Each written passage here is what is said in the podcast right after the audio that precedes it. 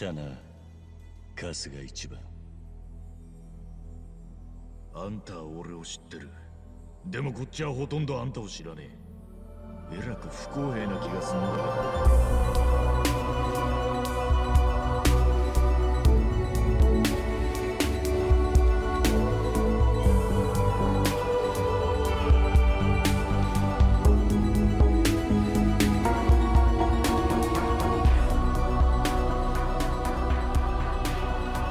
välkomna ska ni vara till den 107 episoden av Skämshögen, en podcast om ouppklarade affärer inom spel, film och tv-serier. Amanda heter jag och med mig har jag min man till lika längre hälft, Jimmy Seppelesten. Hallå. Och med oss dagen till ära är svamprikets Niklas Sintorn. Hej! Och eh, grattis till att eh, man och, eh, och eh, hustru. Tusen Det har tack. ni blivit sen sist. Eh, sen vi pratade sist. Ja, vi får ju säga grattis till dig för du har ju blivit fader för andra gången Ja, sedan vi pratade sist. det har jag. Det har hänt en del. Ja, men precis, det hände rätt mycket på åtta månader. Ja, precis. Han har blivit sju månader nu. Och har fått för sig att han ska börja ställa sig upp och sådär. Och kravla omkring och ha sig. Och ja, det är mm, fullt ös här hemma om man säger så. Ja, men det kan jag tänka mig. Hur eh, mottogs han av den äldre? Eh, jo men eh, jättebra. Det är väl eh, bristen, eller det, det faktum att han inte längre kan få 100% uppmärksamhet av två, två föräldrar som är det som, eh, som är jobbigast för honom. Men han älskar sin, eh, sin lillebror. Typ över allting annat. Så det, det känns bra.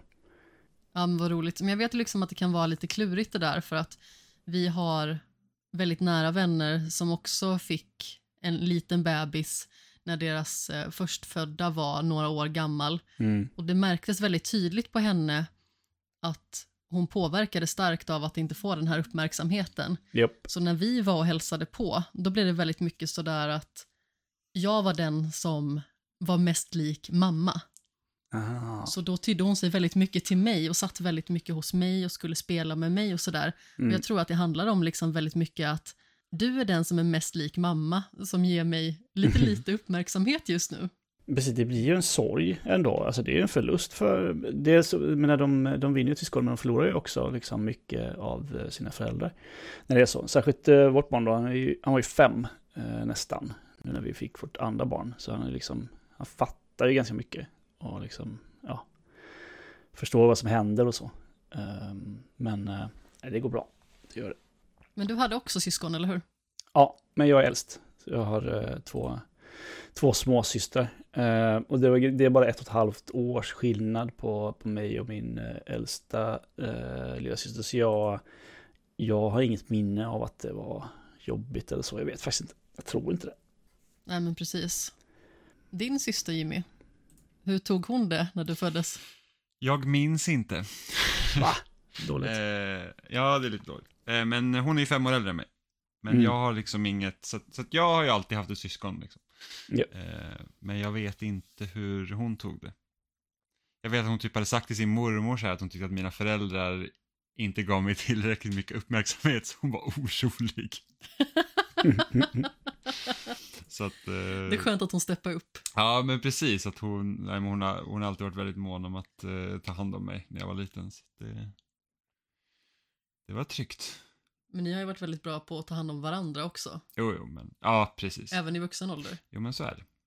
Det är lite lustigt faktiskt i min familj för att både jag och min bror har i stort sett växt upp som ensambarn. I och med att vi har samma pappa men inte samma mamma. Och han växte upp i Kristianstad och eh, är tio år äldre än vad jag är. Och jag växte upp här i Allingsås. Så vi har ju liksom mest setts på lov och somrar och liksom sådär. Alingsås bodde jag när jag föddes. Det är du. Va, är det sant? Ja, jag har bott i Alingsås i säkert fyra månader eller någonting. Jag minns inte så mycket av det eftersom jag var fyra månader när jag flyttade ifrån. Men eh, så är det. Hur kommer det sig? Eh, mina föräldrar bodde där då. Eh, ett tag, minns inte riktigt varför. Men sen fick de jobb i och flyttade till Falkenberg. Där de bor kvar i samma hus fortfarande. Ja, men precis. Det är ju lite en stad som är ungefär samma storlek som Alingsås, eller hur? Det är mycket möjligt faktiskt. Eh, Jag har inte varit tillbaka i Alingsås eh, sedan dess, men ja, ganska precis verkar det som. 27 000 eh, står det i Alingsås och i Falkenberg säger Wikipedia 28 000, så det är ganska precis. Men det är i tätort va? Ja, och sen eh, 42 i kommunen i Alingsås och 47 i Falkenberg. Så Falkenberg är lite större. Pyttelite större. Lite mindre potatis, lite mer eh, lax. För, visst är det, jo det är potatis, ja precis, Alingsås Det stämmer potatis. bra. Mm, mm, mm, japp, det är japp. helt korrekt. Potatisfestivalen varje år och så vidare. Just det, Jonas A. Strömmer och allt det där. Ja, men precis. Men hur upplever du liksom att vara uppväxt i Falkenberg? Kände du liksom att det var en liten stad? Märktes det tydligt? Det var mycket tydligare då, för då var det väldigt mycket en industristad. Man jobbade liksom på, på bryggeriet, på Falcon, eh, numera Carlsberg, eller på blöjfabriken, på Mölnlycke, eh, eller sådär. Och väldigt mycket arbetarstad. Nu har det hänt skitmycket. Det är en sån riktig, har blivit en riktig pendlarstad, så det är asmycket folk som flyttar dit. Det byggs nya eh, bostadsområden överallt, öppnar en massa schyssta restauranger och sådär. Så nu är det nog mycket roligare att växa upp i Falkenberg än vad det var då. Då var det gärna så här att man tänkte att man måste komma därifrån så fort som möjligt och sådär som, som många känner om småstäder. Men eh, nej, inte nu. Jag känner igen den känslan väldigt mycket faktiskt, som du beskriver. För att jag trodde alltid att jag skulle lämna Alingsås oavsett om det var att jag skulle flytta bara till Göteborg eller till London eller liksom vad jag skulle ta vägen för någonstans. Så trodde jag att Alingsås inte skulle vara en stad som jag stannar kvar i. Just på grund av att den var liksom så liten och den kändes ganska så kvävande när man liksom var i tonåren till exempel eller även lite yngre än så till och med just på grund av att när man inte kommer från en stad, alltså mina föräldrar är ju från Skåne respektive Blekinge och sedan så har de bott på lite olika ställen i Västergötland tillsammans, till exempel Skövde och Borås och sådär. När man inte kommer från en stad så är man liksom inte lika inkörd i hela strukturen och känner liksom inte alla på samma sätt. Vilket då liksom resulterar i att man kan bli lite utanför för att många av barnen till exempel har föräldrar som känner varandra och på så vis så blir barnen också vänner. Och jag kände, och så även mina föräldrar, liksom, att det fanns lite typ ett utanförskap. Ja, men så kan det ju vara. Mina föräldrar är också inflyttade fast de har ju ändå mamma hade familj i, i Falkenberg. Eh, så hon är från Halmstad, pappa är från Göteborg, så det är inte så att de flyttat jättelångt liksom. Eh, men eh, det gick bra ändå. Men sen har ju Alingsås också blivit, precis som Falkenberg, expanderat jättemycket och det har liksom tillkommit ganska så stora nya delar av staden. Och Alingsås är ju också väldigt mycket en pendlarstad.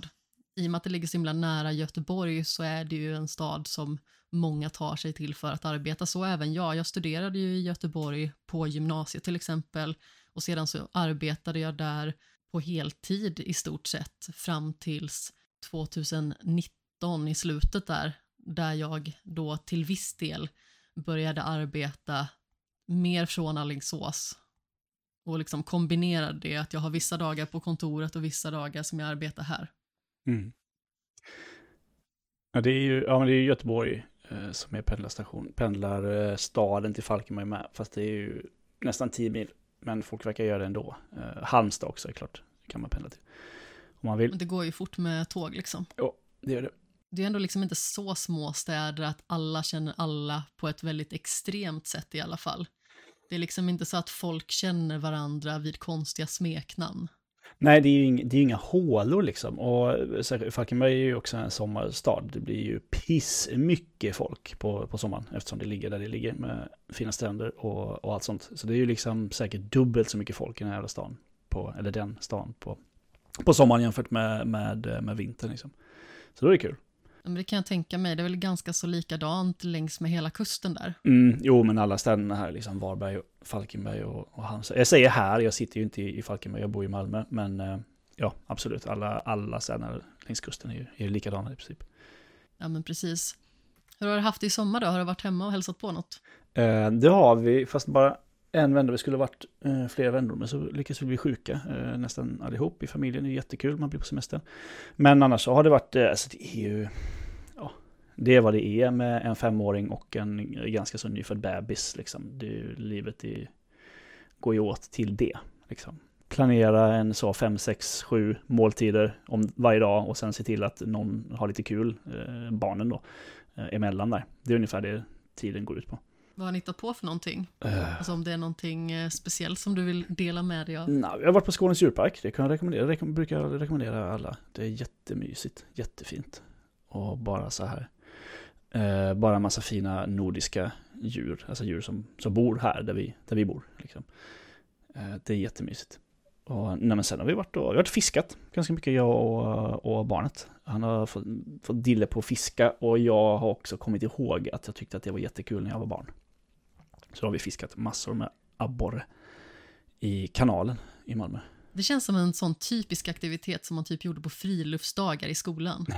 Ja, kanske. Jag, vet inte. jag fiskade mycket med min pappa.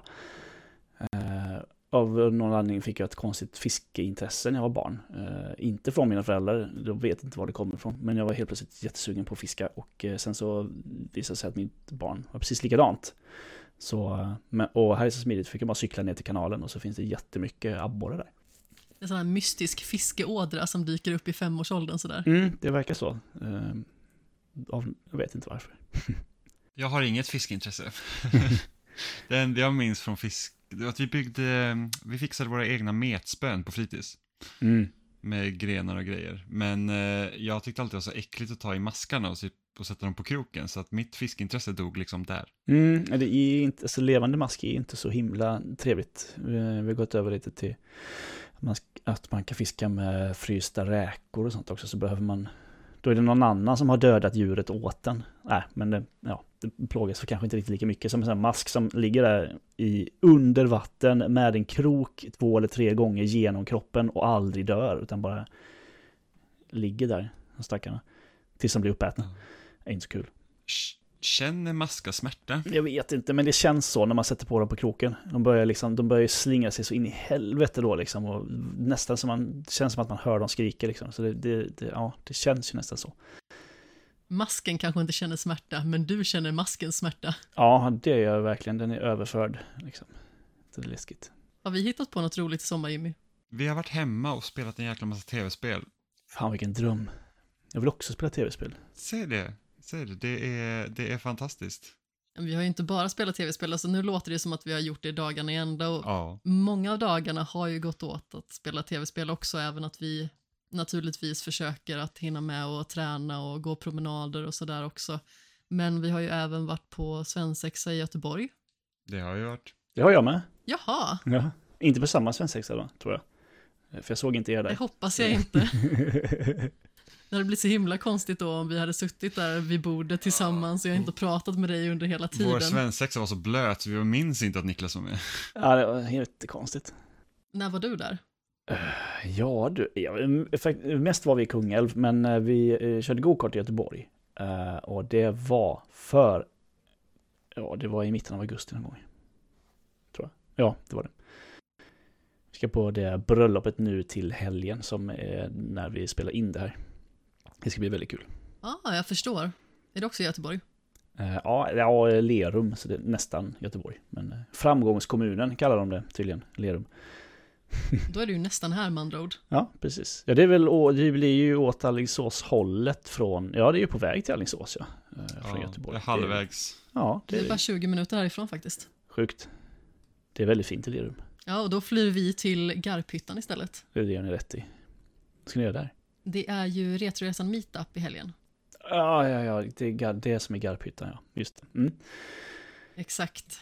Det Så har då jag ska inte vi varit. förmodligen typ över 60 personer sitta och eh, gosa in oss på varandra och spela en massa tv-spel och brädspel och sådär. Mm, det har jag inte varit med på sen, eh, eh, ja jag vet inte, sen det var i Örebro någon gång.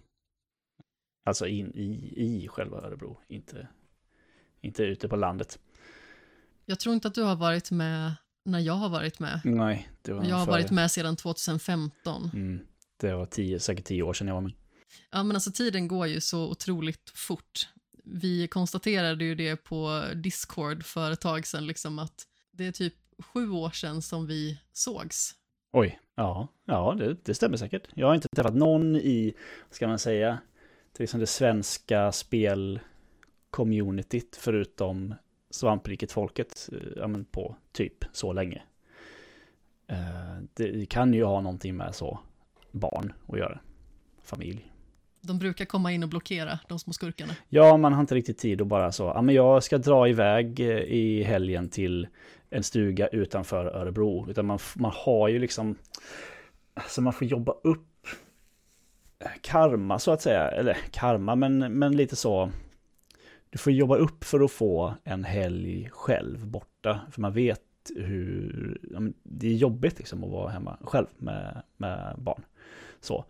Eh, och då får man inte så många helger på ett år som man kan åka iväg på grejer. Och då får man, liksom, eh, då får man helt enkelt välja det som känns viktigast. Liksom. Eh, och då, ja, då har det blivit så här att jag inte har varit med där på, på väldigt länge. Vilket är tråkigt. Det har varit jättekul. Men nej, det har inte gått. Men säkert någon gång snart. Vi får helt enkelt kidnappa dig till nästa år. Mm, gör det. Då får ni slåss med min sambo sen. Ja, det hoppas jag inte. Jag tror att din sambo kommer knocka mig. Ja, hon är ju också kampsportare, så det, eh, det gör hon nog faktiskt. Ja, men precis. Det var lite det jag ville minnas. och just därför jag också blev lite rädd. Ja. Det är, man ska inte bråka med en bowlare, tänker jag. Man får ju byta taktik. Man får se till att hon får in en smäll på en och sen spelar man död. Då har hon något att stå i. Mm. Ja, men vi ska inte sitta och hänga upp oss för mycket på sätt att skada mig på. Jag tänker att vi ska gå vidare till avsnittets diskussionsfråga och det kan ju vara lite skadligt ifall man är en person som gillar att hålla sig uppdaterad med de senaste videospelen för att det här avsnittets fråga lyder som följer. Ponera att du resten av året bara skulle få spela skämshögspel förutom ett undantag. Vilket nysläppt spel skulle du välja, Niklas? Um, alltså, när vi spelar in det här så är det ju, vad är det, tio dagar kvar till Starfield släpps, eller typ två dagar tills det släpps i så här early access, alltså, de som betalar piss mycket pengar i alla fall. Uh, och jag vet inte om det är någon av oss som spelat Starfield, jag har inte gjort det i alla fall, jag vet inte om ni har gjort det. Um, men och det, det, känns som ett osäkert kort. Jag är, lite, jag är inte helt säker på det, så jag vet inte om jag skulle välja Starfield. Uh, men jag, uh, ja alltså fan, Baldur's Gate 3 har jag spelat i 20-25 timmar kanske. Uh, och, och, bara liksom bara nosat på det, jag är inte ens i närheten av att bli klar med första akten. Så jag, det hade jag ju kunnat spela resten av året tror jag, utan att bli klar. Så uh, skulle nog vara det då, tror jag. För Diablo 4 trillade jag av ganska hårt. Det var inte så kul efter jag hade klarat storyn och så här, så var det inte så roligt längre. Så det får nog bli Baldur's Gate 3. Det var ju lite lurigt det där med Diablo 4 just på grund av att när man kom över en viss nivå så blev det nästan omåttligt svårt. Jag tror att det var någonstans över nivå 30 som man kände att man fick inte tillräckligt med bra saker att använda på fiender som också liksom följer med ens nivå. Mm. Vilket då resulterar i att man stod där med 71 ghouls efter sig och alla tog så otroligt mycket skada. Ja, grottorna tar för lång tid liksom. Ja, det är ju bara, alltså det är ju, jag vet inte, jag, jag såg ju jättemycket fram emot uh, Diablo 4 och då spelade jag inte ens särskilt mycket Diablo 3 faktiskt. Jag spelade igenom det så en och en halv gång typ på liksom olika svårighetsgrader. Ettan och tvåan var de jag spelade jättemycket, speciellt ettan. Men jag tror att jag insett att den typen av spel är inte min, inte min grej längre. Det är bara en, ett oändligt tryckande på knappen, väntade på cooldowns och sen trycka på knappen direkt eh, när cooldownen är klar. Och, och så gör du det mot samma fiender i samma grottor på samma ställen om och om och om och om, och om igen. Eh, och när du har klarat storyn så är det ju liksom inte, det är ingen story kvar, det händer ju ingenting. Utan det är bara, du jagar bara en högre power level liksom. Eh, byter ut grejer och så. Jag tror inte så, att, så att du kan göra mer skada mot samma fiender? Mot samma fiender som, är, som ja. de har gett lite mer HP eh, och gör lite mer skada, precis. Så nej, jag tror inte att det är min, eh, min grej längre. Jag spelar ju Destiny eh, en del och det är ju lite samma sak, men det är ju så jävla kul att spela.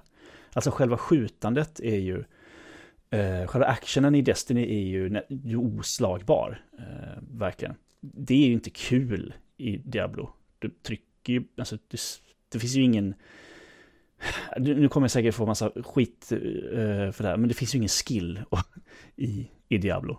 Det är ju bara grind. Ehm, så som jag har. Så som jag har märkt av det i alla fall när jag har spelat igenom storyn och sen testat på säsongen lite.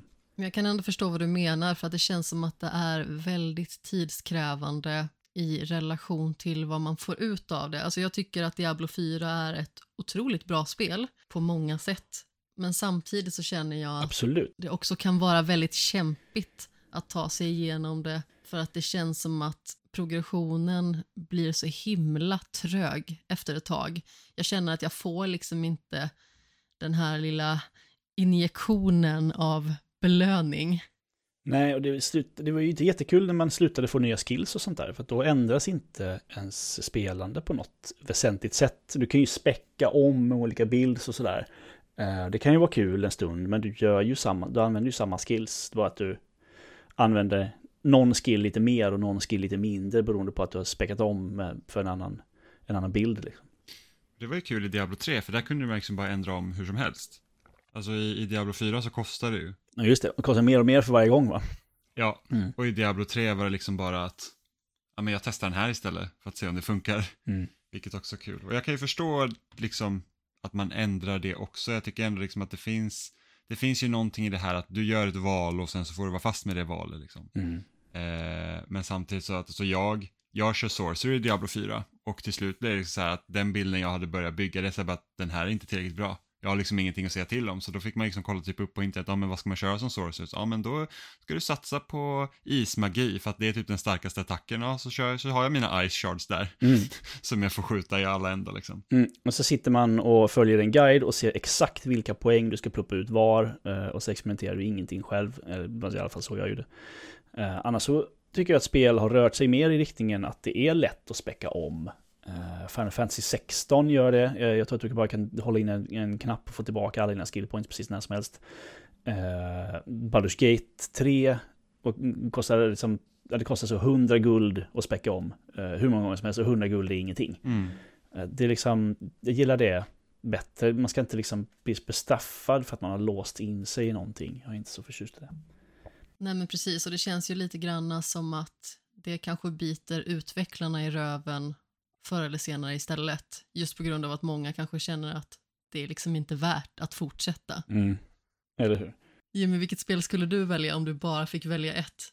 Du och Niklas har ju lite samma problem, för ni är ju väldigt lika på det sättet att ni är väldigt ajour båda två och eh, spelar mycket det nyaste liksom.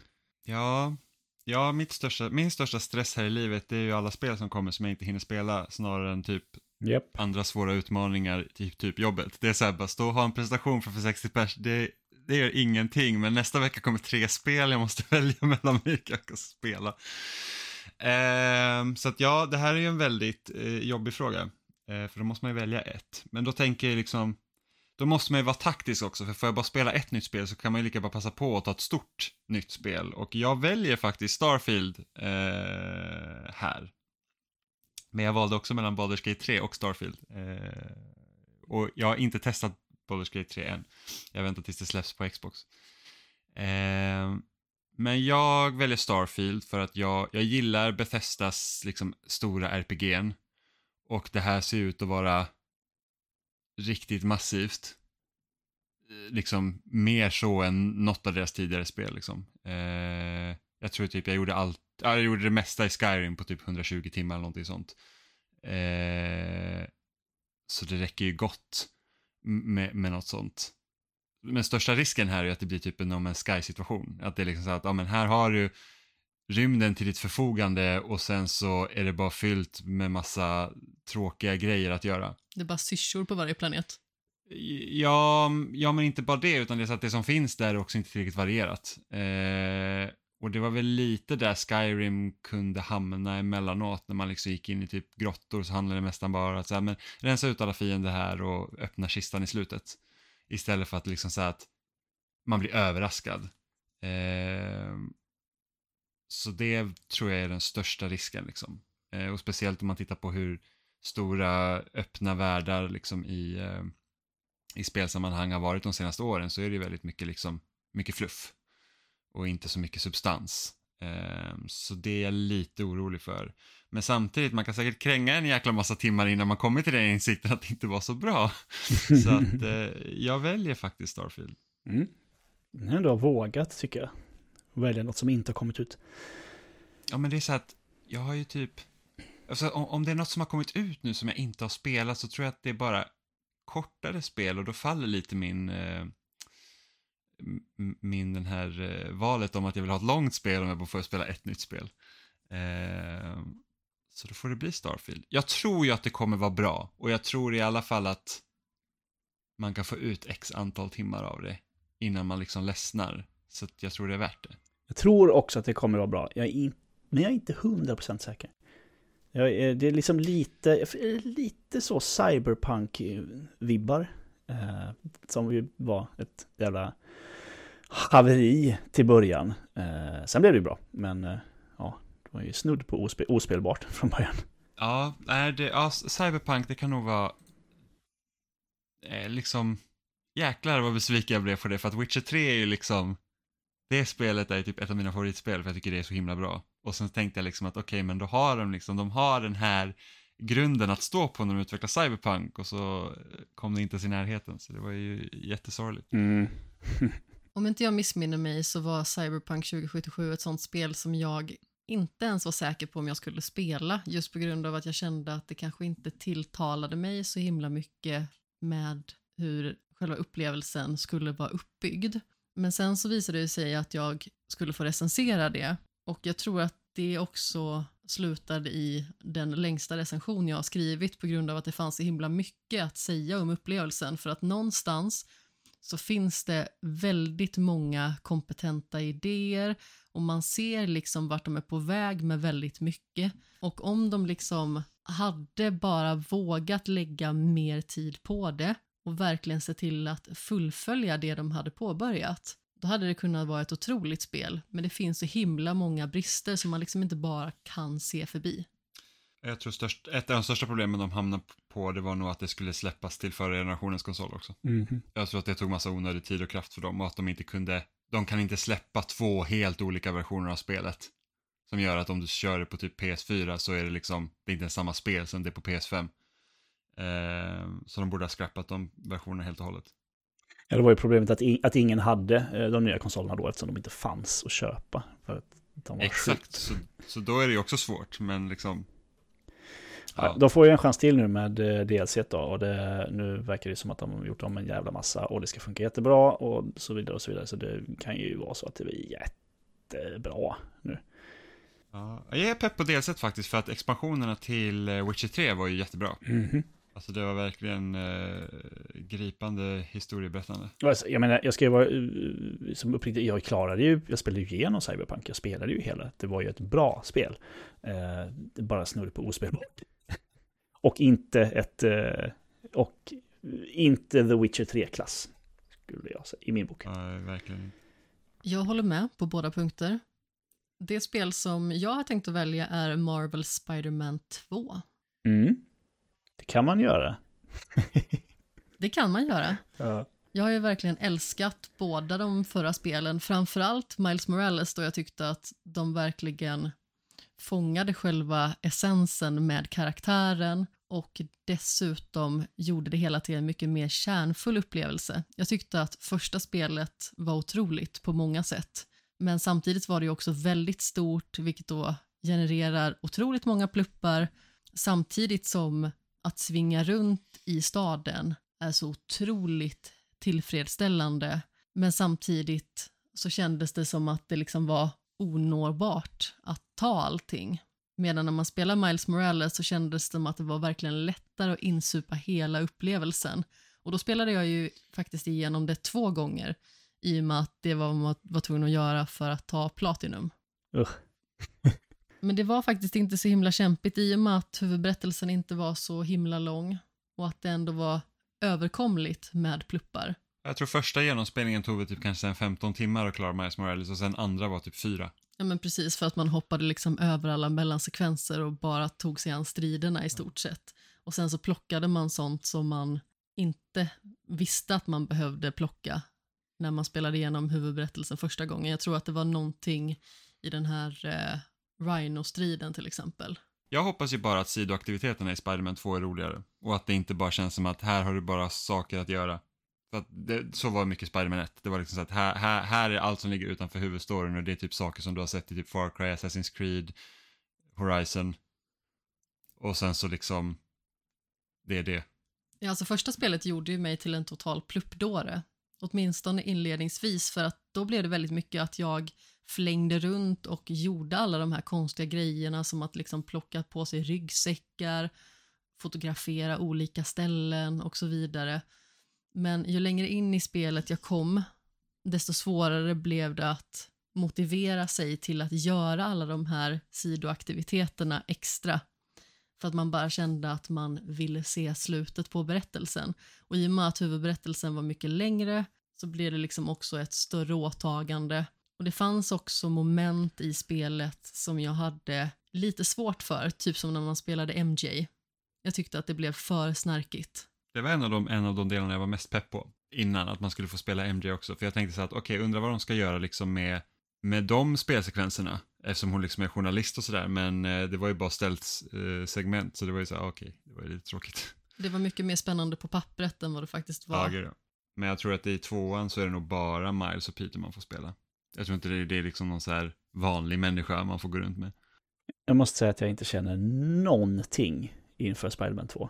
Noll känslor verkligen. Jag vet att det kommer att vara ett jättebra spel. Jag vet att jag kommer tycka jättemycket om det. Men jag, jag kan inte uppringa mig och känna någonting överhuvudtaget. Jag vet exakt vad det är för spel eh, och vad man kommer att få. Jag vet att det är jättebra, men jag bara, det går inte. Jag får spela det när det kommer och tycka jättemycket om det, men det bara, det finns, liksom, jag kan inte se någonting om det och bara åh oh yes, fuck yeah, liksom, nu jävlar, nu kör vi. Och då älskar jag ändå första och framförallt Miles Morales liksom. Jag vet inte, det är något fel på mig tror jag, men det, det går inte. men jag, jag, kan, jag kan förstå den känslan, för att det är liksom så här att jag känner väl liksom samma sak ju äldre jag blir, att när man ser liksom uppföljarna och uppföljarna så är det liksom bara så här, okej, okay, jag vet att jag kommer spela det och det kommer vara kul. Men liksom det är inte så att man känner sig superpepp på det på förhand. Nej, men det kan fortfarande vara, eh, det kanske är ett av årets bästa spel. Men jag, kan inte, nej, jag vet inte. Det är sjukt. Nej, men jag, jag förstår precis. Eh, jag tycker det är lite synd att jag inte, för jag hade planerat att spela om Spiderman och Miles Morales innan bara för att man ska bli van med Peters nya ansikte. Men det har jag inte hunnit, så att, eh, det kommer kännas weird. Är det, är det hans tredje ansikte då, eller? Nej, nej, utan det är det nya ansiktet han fick i Miles Morales, men där var han med så lite så att det, det, det, kommer ändå kännas konstigt, för jag gillade hur han såg ut i första spelet. Han såg liksom lite, även om han inte ska vara så gammal så såg han lite äldre ut. Mm. Eh, och jag tycker den här nya karaktärsmodellen som han har, han ser så himla ung ut. Ja, vi har haft den här diskussionen ganska många gånger förut i spelsnack, men jag tycker ju att den här versionen av Peter ser yngre ut än Miles och det känns ju inte rimligt i och med att han liksom ska vara äldre och mentor. Jag tror då att han är en maskerad superhjälte så man slipper se honom så mycket. så hela grejen med Spiderman 2 är att Peter inte har någon mask på sig. Ja, just det. Han liksom bara, bara out there.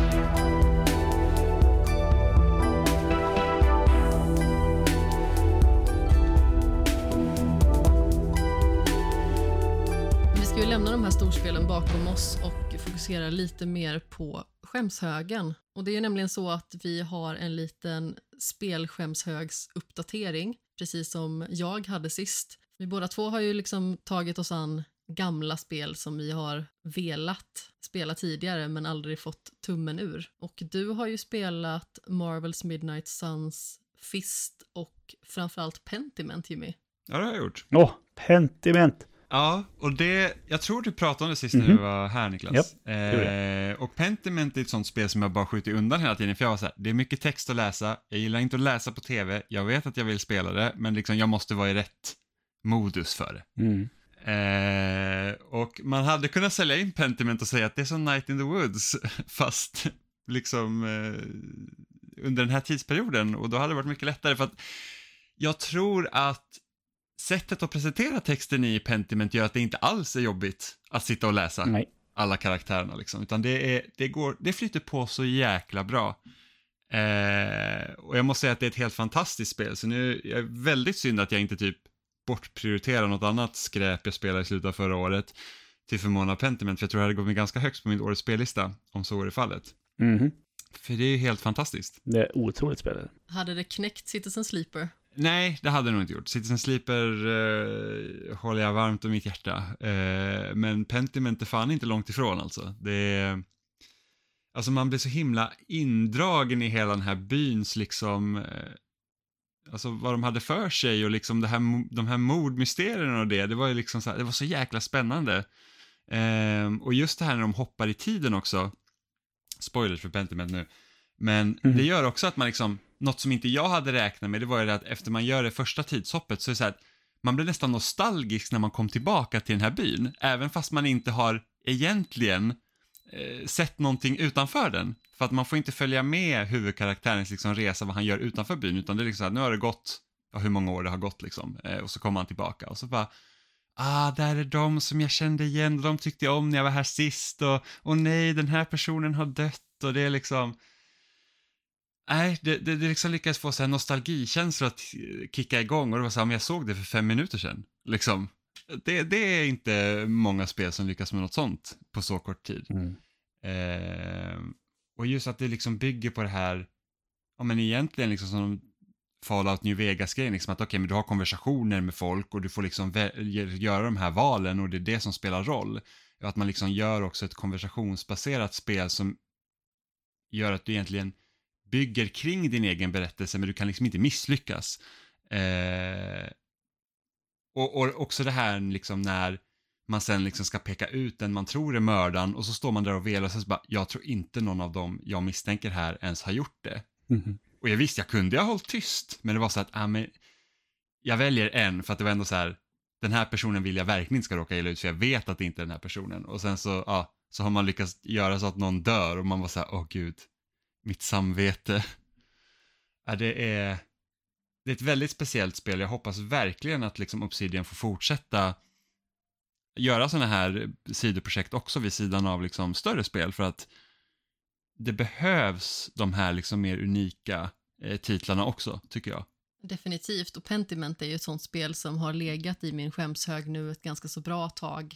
Men det känns också som ett spel för egen del som kräver att man verkligen är i rätt sinnesstämning för att ta sig an det i och med att det är så himla mycket läsa och det är ganska så långsamt tempo i relation till mycket annat som man tar sig an.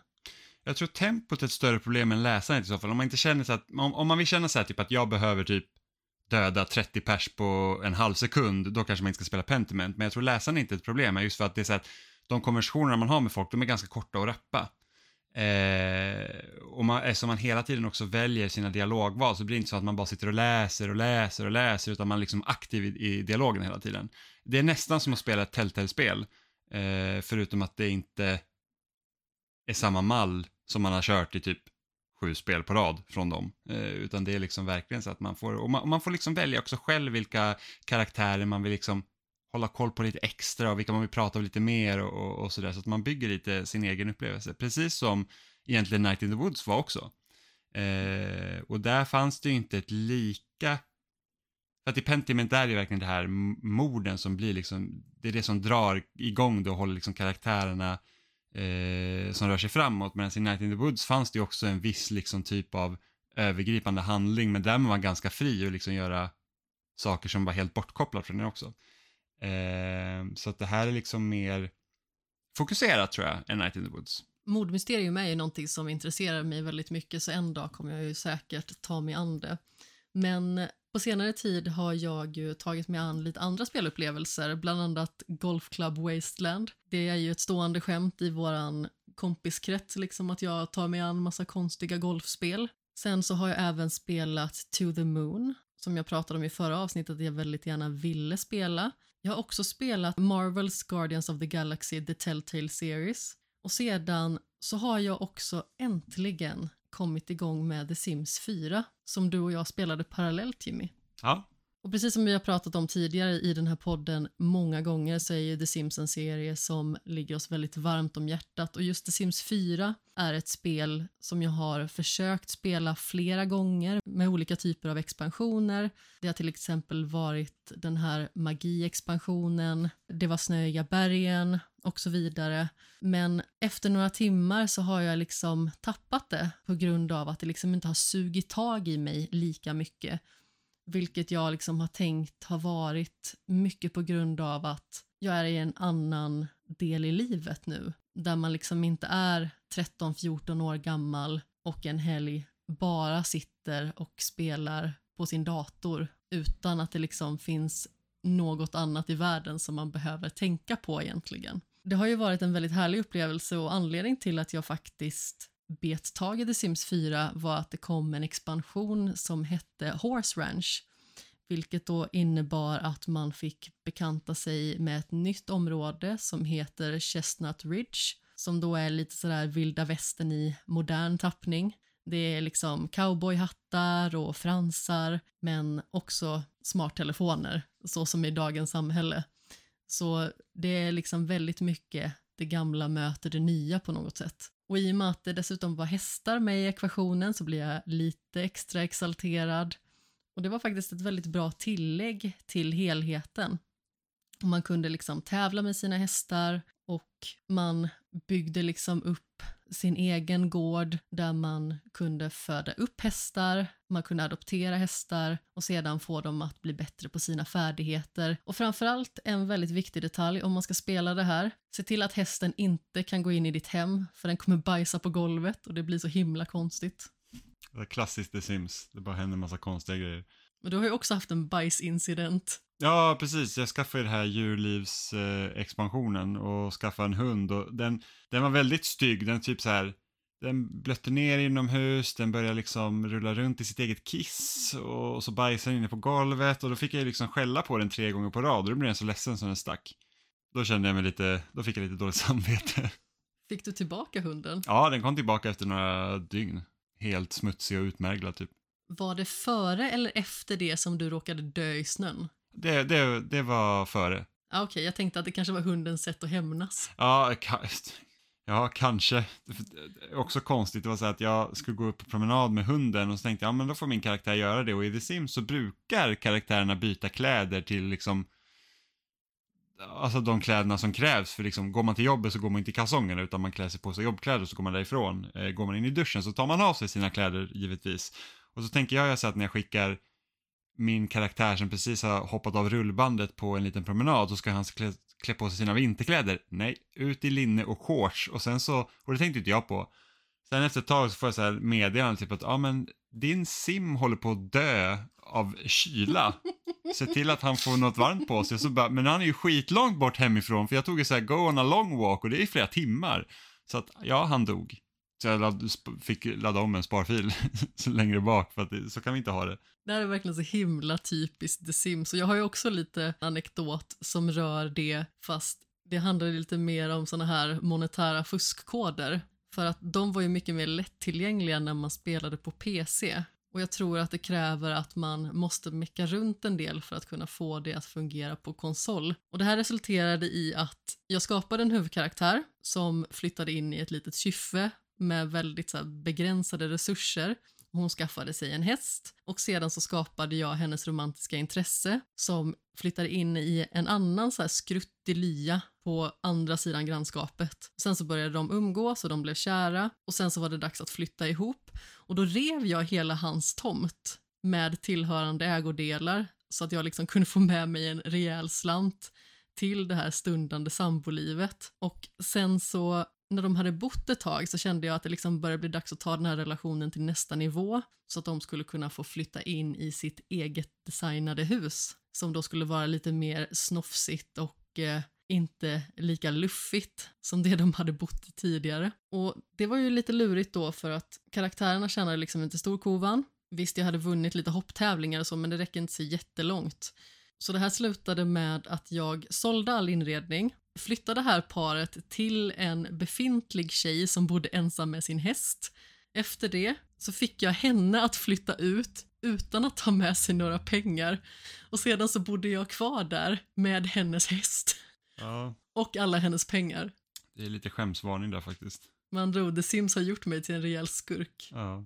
Men det är också lite så här The Sims fungerar, att man gör så himla konstiga saker när man rollspelar för att liksom få det att fungera för sig. Jag menar, skulle jag försöka spara ihop till ett hus i The Sims skulle mina simmar nästan vara liksom med ena benet i kistan. Men Niklas, Jo. du spelar ju inte så mycket ur skämshögen. Eh, nej, det finns ingen tid till det. Vad har du ägnat dig åt istället? Ja, alltså tid- tidigare nämnda Baldur's Gate 3 va? Det är ju det eh, som eh, tar upp min speltid. Liksom. Det, ehm, jag har inte rört Final Fantasy 16 sedan det kom.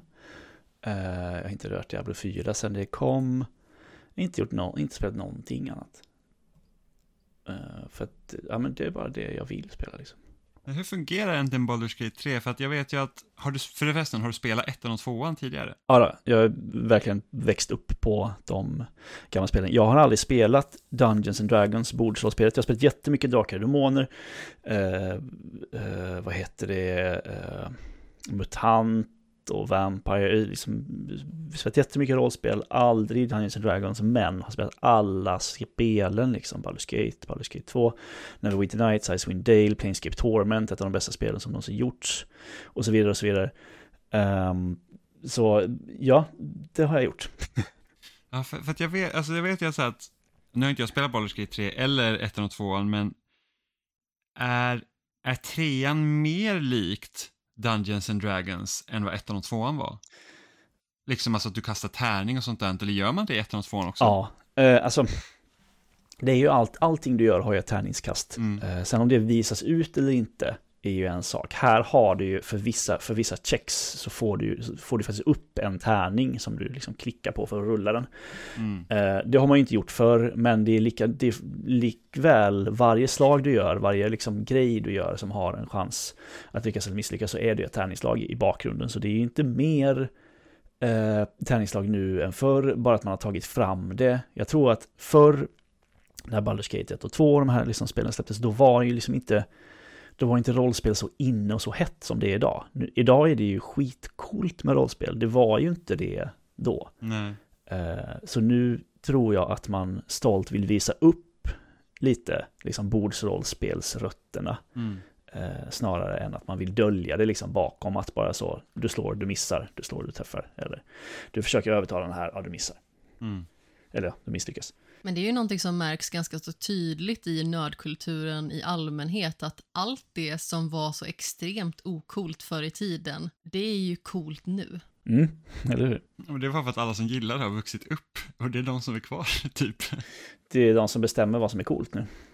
Ja, precis. Liksom, de som blev typ mobbade på så här eh, 70-80-talet för att de läser serietidningar, liksom, nu är det liksom största filmfranchisen någonsin i liksom Marvel. Så att det... Saker ändras. Var för att tech eh, gick från någonting nördigt och nischat till eh, liksom den coolaste, hetaste branschen i hela världen. Så alla nördarna bara yes, Ja. nu, my time to shine. Liksom. Jag kan fortfarande bli förvånad typ när man har så kollegor som typ spelar så här casual. Liksom bara så att, ja men jag spelar typ det här spelet. Man så bara, oj, det hade jag, alltså. Jag är fortfarande så här i ett mindset att, att, att det är inte vanligt att folk spelar, även fast det är såklart vanligt att folk spelar. Mm, Det är rätt så fascinerande. det är det. Och det är också väldigt frigörande på något sätt att känna att det inte är konstigt. Mm. Ja, så jag har nog aldrig brytt mig om, om folk tycker att det är konstigt för att jag spelar, för det är liksom så här, det är deras förlust. Jag har kul, liksom med det jag gör. Ja, men samtidigt så är det ju också så här att även att folk kanske inte är lika investerade i spel som vi är, så är det ändå rätt skönt att kunna mötas i någonting vid lunchbordet till exempel. Även om det kanske bara är att man smådiskuterar kanske någon upplevelse. Mm. Jag kan tycka att det är väldigt trevligt, även att det kanske inte är samma brinnande engagemang. Så tycker jag ändå liksom att det känns väldigt kul att höra att ens kollega är intresserad av Inside och Limbo till exempel. Det är ingenting man förväntar sig när man går upp en vanlig tisdag. Ja, nej, men precis. Samtidigt så märker man också hur, hur, hur, konstigt spel är som medium. Liksom när, när min chef frågade mig vad jag liksom spelade för någonting och då tror jag precis jag spelar Halo Infinite och så bara, ja men jag springer runt som en rymdgubbe och jag skjuter på andra rymdgubbar och så får man poäng och så vinner man. Det är liksom, ibland känns det bara så att, ah, vad, vad är det man gör egentligen? Det är, det är så himla märkligt. Jag berättade för två kollegor att jag spelade Dream Daddy. Du kan ju föreställa Ja. dig de blickarna jag fick. Jag dejtar andra pappor på min fritid. Ja, det hade varit ännu roligare om du typ spelar Hatoful Boyfriend. Så bara, vad spelar du då? Ja, men jag dejtar duvor. Det, det gjorde jag. Det finns ju många lustiga spelupplevelser där ute. Men apropå lustiga upplevelser så tänker jag att vi ska gå vidare till Desperate Housewives. Jimmy, kan inte du berätta för mig varför du ville att vi skulle se den här serien? Oj, jag älskar Desperate House. Jag tycker den är så himla mysig att titta på. Eh, det var en så här, vi hade ju inte typ några kanaler liksom när jag bodde hemma utan vi hade gratiskanalen så ettan, tvåan, fyran. Men då började ju liksom också DVD-boxarna släppas på olika serier och min syrra köpte första säsongen av Desperate Housewives. Och var, jag blev helt liksom tagen av det hela mordmysteriet som var i första säsongen och vad som hade hänt och, och, och sen var den liksom samtidigt, den är ju rätt så liksom humoristisk också men för det inte vara en komediserie. Eh, så att jag liksom bara, jag bara föll pladask för, för hemmafruarna och deras upptåg.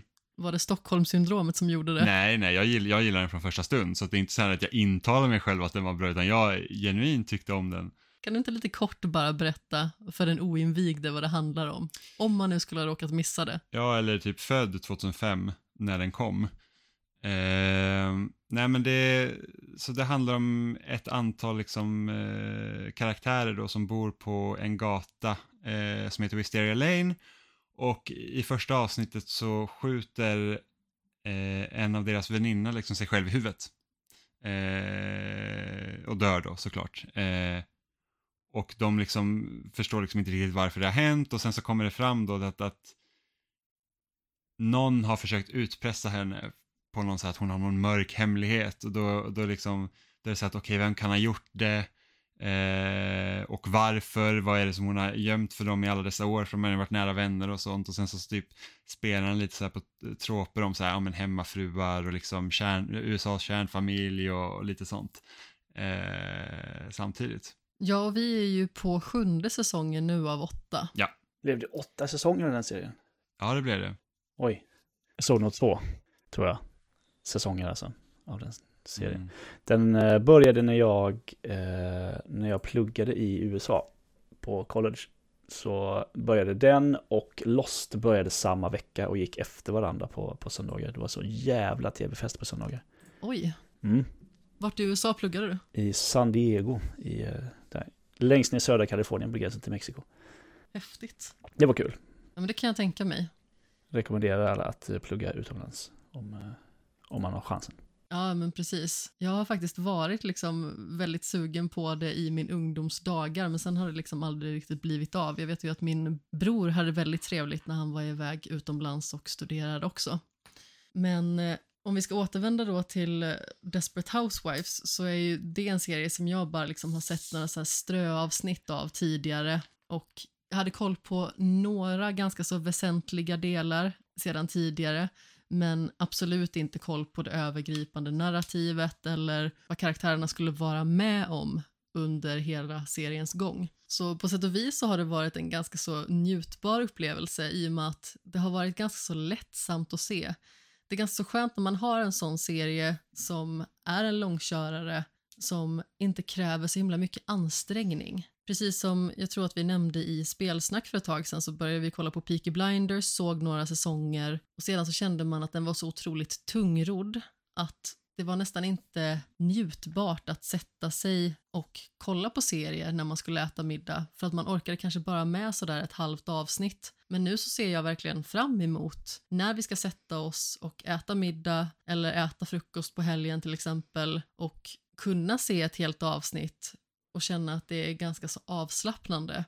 Det här är ju liksom en serie som är väldigt överdramatisk och det känns hela tiden som att den spelar väldigt mycket på stereotyper och att allting är ganska avlägset i relation till det som man känner till själv. Just på grund av att vi har liksom väldigt tydliga karaktärer. Vi har ju till exempel då Brie som är en väldigt konservativ person som man absolut inte känner igen sig i värderingarna hos till exempel. Samtidigt så känner man att det finns ändå delar av henne som man kan sympatisera med ändå. Så det är ju inte det att alla är helt odrägliga, även att det finns många av deras sidor som är det. Och sen så förstår inte jag heller hur invånarna på Wisteria Lane tror på något som någon säger längre. För att alla är ju så extremt opolitliga. Mm. Den, liksom, den balanserar lite på gränsen mellan liksom en, en, en dramaserie och såpopera. På det sättet.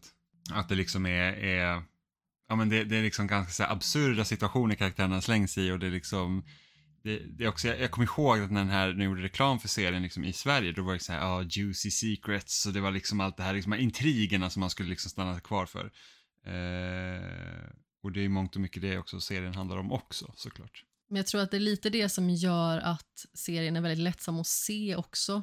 Just hela den här biten med att det är svårt att ta någonting på vidare stort allvar. När vi skulle se Gilmore Girls tillsammans till exempel så orkade jag ju bara med en säsong just på grund av att den kändes mycket mer lång än vad den egentligen var. Även att det är samma avsnittslängd, det är ungefär lika många avsnitt per säsong men karaktärerna var helt outhärdliga att följa och trots att det i Desperate Housewives händer så himla mycket märkliga grejer hela tiden som känns som att de är så otroligt orimliga så blir det på något sätt ett mycket större underhållningsvärde för att det känns som att det händer massa knasiga saker hela tiden som håller min uppmärksamhet igång. Mm. Men precis som jag tidigare nämnde så är den väldigt orimlig. Ja, ja, gud ja, alltså det händer ju, det händer, alltså det, det, är liksom inte, det är inte verklighetstrogen på det sättet. Jag sitter ju och retar mig hela tiden på att det skapas så himla mycket intriger ur ingenting också. Sånt kan jag ju störa mig på i allmänhet när det gäller serier och film. Att det känns som att folk verkligen inte pratar med varandra utan väljer att gå bakom ryggen på varandra så fort det ges tillfälle. Och det kan göra mig lite stressad också. Samtidigt så känns det ju ändå som att det är hela tiden någonting som händer. Men jag menar, när vissa karaktärer får varandra, gör slut, får varandra igen och håller på så med sina jojo-förhållanden så blir man ju också frustrerad. Mm. Men det är också ett sätt för att hålla liksom tittarna engagerade, för det märker man också på typ ju längre serien går så drar de till mer drastiska åtgärder för att det ska hända något spännande som gör att folk kommer liksom sätta på kanalen och titta. Vi får ha liksom så här stora tornados och åh, nu är det någon som dör, vem ska dö? Och liksom, ja. Det är lite sånt. Jag kommer ihåg att det var ju alltid typ så här i Aftonbladet eller Expressen när serien var som störst, då var det typ så här, ja ah, men uh, Desperate Housewives-serieskaparna, de kanske måste döda av en av hemmafruarna, bla bla bla. Liksom, det var jämt rykten om det. Bara för att det liksom skulle hända någonting ja, ja. för sakens och, och för att skull. folk liksom ska titta. Det är liksom det att du kanske inte har sett några avsnitt, men oj nu jävlar, nu kanske någon dör och du vet ju vem det är, liksom vilka personerna är i serien, så att då tittar man. Har du någon favoritkaraktär? Ja, jag tycker ju bäst om Lynette i, av, av liksom de fyra huvudkaraktärerna, om man säger så. Av hemmafruarna tycker jag också bäst om Lynette och jag tycker även om hennes man Tom. Just på grund av att de känns lite mer jordnära. Sen så har vi karaktärer som Carlos till exempel som har fått en ganska så bra karaktärsutveckling. Men samtidigt så finns det också många av karaktärerna som har utvecklats åt det positiva hållet. Känns det som att skaparna måste krångla till bara för att tittaren inte ska tappa intresse och det kan också vara lite irriterande. En sån karaktär är Orson som är en karaktär som är väldigt mystisk inledningsvis som verkar bära på liksom mörka hemligheter och sen så visar det sig att han liksom är en väldigt trevlig karaktär att följa och sedan så vänder de på hans karaktär så att han blir helt oresonlig. Och det hade jag väldigt svårt för och jag vet liksom att skådespelaren utifrån vad du har sagt också inte uppskattade den vändningen. Mm. Ja, precis. Och det känns ju väldigt synd liksom att man måste inom citationstecken förstöra karaktärer bara för att hålla kvar uppmärksamheten hos tittaren. Mm. När allting kommer omkring så känner jag liksom inte att det är en jättebra serie direkt. Alltså jag tycker att den är ganska underhållande att se på och jag tycker att det är skönt att ha någonting att slötitta på. Men jag vet inte riktigt om jag skulle säga att det är en speciellt bra serie. Det är ingen serie jag förmodligen någonsin skulle se igen. Men jag uppskattade ändå tiden som vi har haft med Desperate Housewives på något sätt. Mm. Jag tror jag är typ på min sjunde genomtittning av den. Jag förstår inte hur det är möjligt. Ja, jag gillar. Ja, den, är, den. Som sagt, den kräver inte så mycket mys att titta på. Tänk att när den här kom, det var typ peak tv. Sån här typen av serier. Det var liksom så här, de drog stor slam på Emmy-galan typ. Ja, det är rätt otroligt Så att det har faktiskt. hänt rätt så mycket. Så var det typ även med Grey's Anatomy kommer jag ihåg. De fick också jättemycket Emmy-statyetter i början. Och den serien är inte alls liksom vad den ens var de första säsongerna heller. Ja, Jag har ju lyssnat på den mer än vad jag har sett på ja, den. precis. Ja, jag hankar mig på. Jag är sån här, så jag ger inte upp på saker jag börjat på. Så jag är nu inne på, vad är det, säsong 20. Jag har varit med sedan start. Sunk cost fallacy är väldigt stark hos dig Jimmy. ja, men ja, den duger att titta på om man tar något annat att titta på. Men innan vi ska gå vidare på avsnittets lista så tänkte jag bara ge ett litet tips för att jag har ju börjat lyssna väldigt mycket på böcker igen. Jag gör ju det i perioder men sedan Storytel höjde sina priser så kände jag att jag behövde kanske lägga på ett kol och öka snittet av böcker per månad som jag lyssnar på för att känna att det är någorlunda ekonomiskt försvarbart. Samtidigt som jag vet att jag läser ju liksom inte lika mycket fysiska böcker på grund av att jag tar mig an böcker när jag gör andra saker. Men både du och jag har ju läst Tomorrow and Tomorrow and Tomorrow, Jimmy. Ja, det stämmer. Eh, som faktiskt eh, handlar om spelutveckling. Eller Precis. två spelutvecklare kan man väl säga. Exakt. Och det här är en bok som är skriven av en författare som heter Gabrielle Sevin som har författat några andra böcker som jag också tog mig igenom. Men jag skulle nog säga att det här är hennes absolut starkaste verk. Och det handlar om två stycken barn som träffar varandra på ett sjukhus under sent 80-tal. Och den ena heter Sadie och hon besöker sin cancersjuka syster och den andra heter Sam och han har råkat ut för en väldigt allvarlig bilolycka. Och det som för dem samman är deras relation till videospel och sedermera ska de komma att utveckla spel tillsammans. Och jag tycker att det är en väldigt spännande resa som man får följa med på i hur de tar sig från att liksom sitta i en studentlya och börja koda tillsammans och sedan hur deras företag växer och vad det gör med deras relation. Och jag tycker boken också speglar väldigt väl hur det är att vara kvinna inom ett mansdominerat yrke. Liksom att det kan bli väldigt mycket att det är mannen som får alla hyllningar och att det är den som ses som skaparen av verket. Men så fort det är ett nytt verk som kommer som inte mottas lika väl så ser man det som kvinnans verk till exempel, att det är hon som har fått mer inflytande. Och jag kan ändå känna igen lite de tendenserna i andra sammanhang, till exempel sport, att man spelar i ett eh, herrlag till exempel och att man blir extremt underskattad bara för att man är tjej. Jag tycker att hon liksom lyckas framhäva väldigt väl hur hårt klimatet i spelvärlden kan vara och framför allt hur konsumenterna kan bete sig. Mm. Och som sagt, det är ju väldigt mycket tv-spel som nämns till höger och vänster hela boken igenom och man kan tycka att det känns lite märkligt för att man liksom inte är van på det sättet att läsa om spel i en fiktionell kontext på det sättet. Men samtidigt så tyckte jag ändå att det var en otroligt bra berättelse.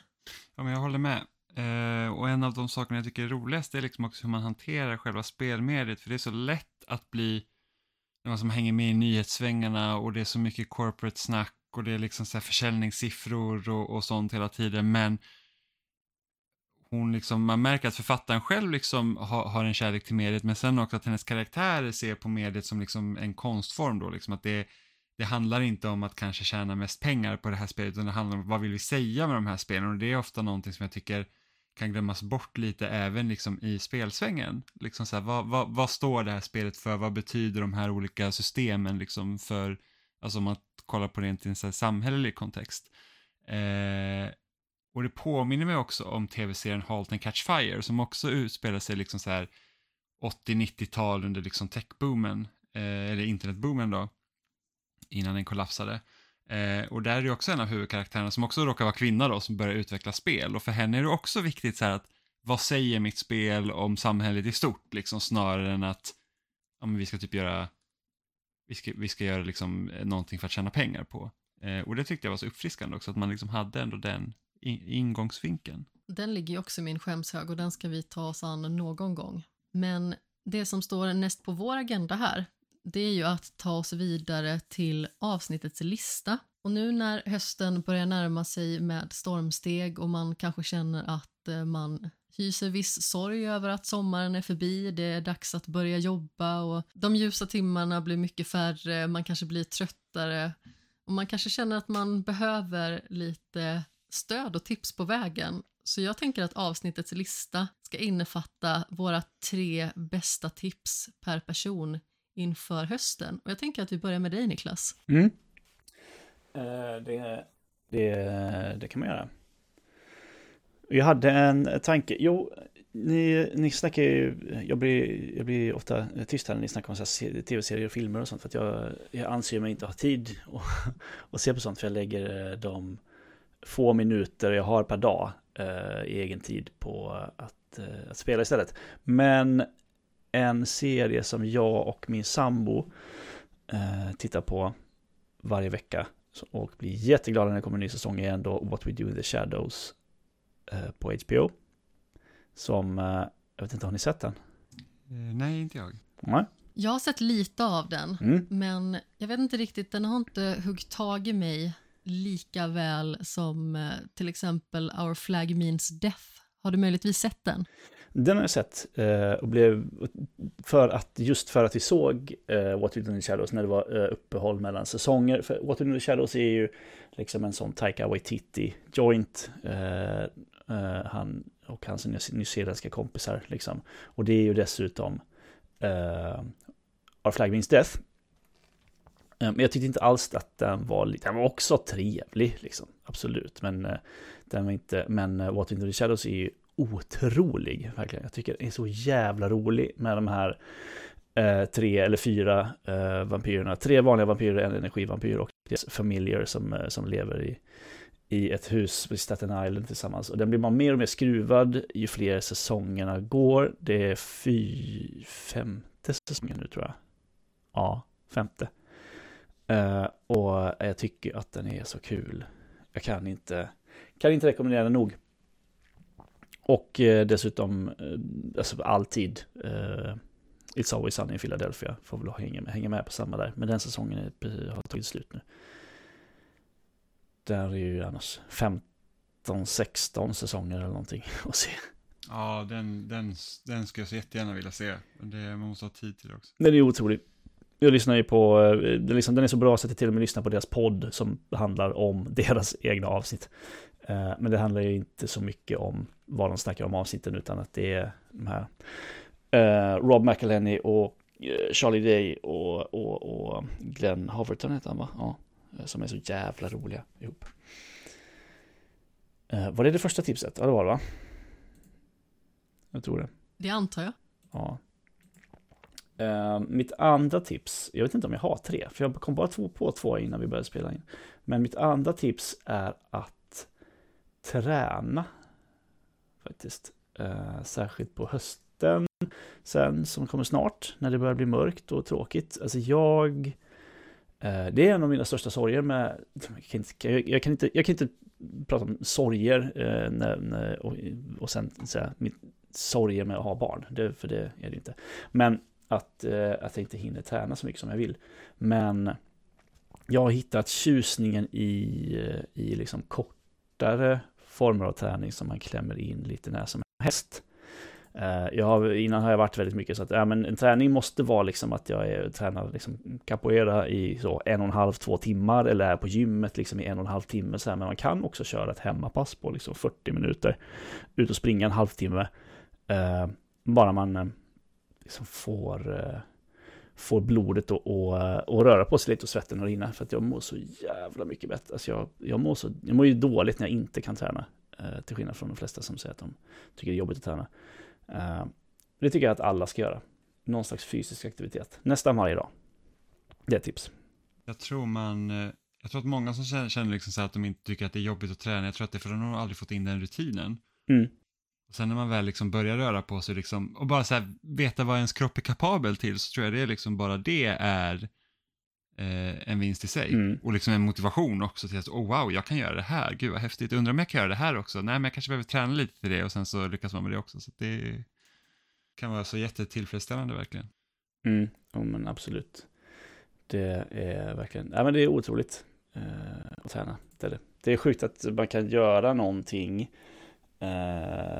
som man mår så bra av kortsiktigt och långsiktigt. Och att det är gratis. Mm. Det borde vara olagligt. Liksom. Jag vet inte. Precis. Det, det låter liksom som att det, det låter för bra för att vara sant. Och det är det. Liksom. Fysisk aktivitet. Kanske har en affärsmodell där Niklas, och börjar så kapitalisera på det som är gratis. Ja, jag tänkte man skulle göra någon slags business av, eh, av träning. Det låter som en, eh, ja, som en intressant idé. Ja, vem som nu skulle vilja betala för det? Nej, eller hur? Lyckades du värpa fram en tredje? Eh, nej, nej, jag vet inte. Ehm, jobba inte för mycket, typ. Det är dumt, tänker jag. Var, försök vara ledig. Eh, jag sitter på, det gör säkert väldigt många också, på sådana här ledighetsberg på, på jobbet som man aldrig, aldrig tar ut liksom. Eh, Ta ledigt och var ledig och skit i att jobba ett tag om det går. Om man har de ekonomiska möjligheterna. Det mår man också bra av, tycker jag. Mm. Ja, det är så intressant det där liksom att läsa med hur, för att vi i Sverige, vi är ändå, vi är, vi är relativt bra att jobba, men vi tycker också om att vara lediga. Eh, och vi, liksom, vi har andra intressen förutom jobbet, eller många har det. För man pratar typ med amerikaner som bara är helt karriärs och jobbfokuserade. Och typ så att jag jobbar på ett företag som håller på med HR-produkter liksom. Eh, och arbetsrätt och sådana grejer. Så, så kollar man så här på olika trender som pågår i USA. Då var det typ så här, ja ah, men nu går det en trend där de anställda, de gör bara det de är anställda för. De tar inte i det där lilla extra och gör mer. Mm. Och man bara, nej, de gör det de är anställda för, det är väl bra. Det är liksom, det är väl det, varför måste de göra ännu mer? Det är så himla märkligt. Ja, det, Eh, det liksom finns ett liv utanför jobbet också. eh, ja, det kan man väl säga. Vad har du för tips Jimmy? Eh, mitt första tips är att skaffa ett bibliotekskort.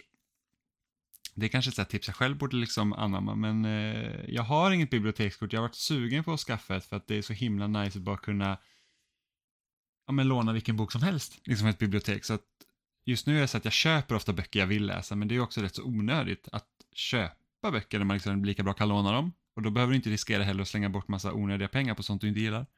Och skulle du börja läsa en bok du inte tycker om så kan du bara lämna tillbaka den och låna en ny.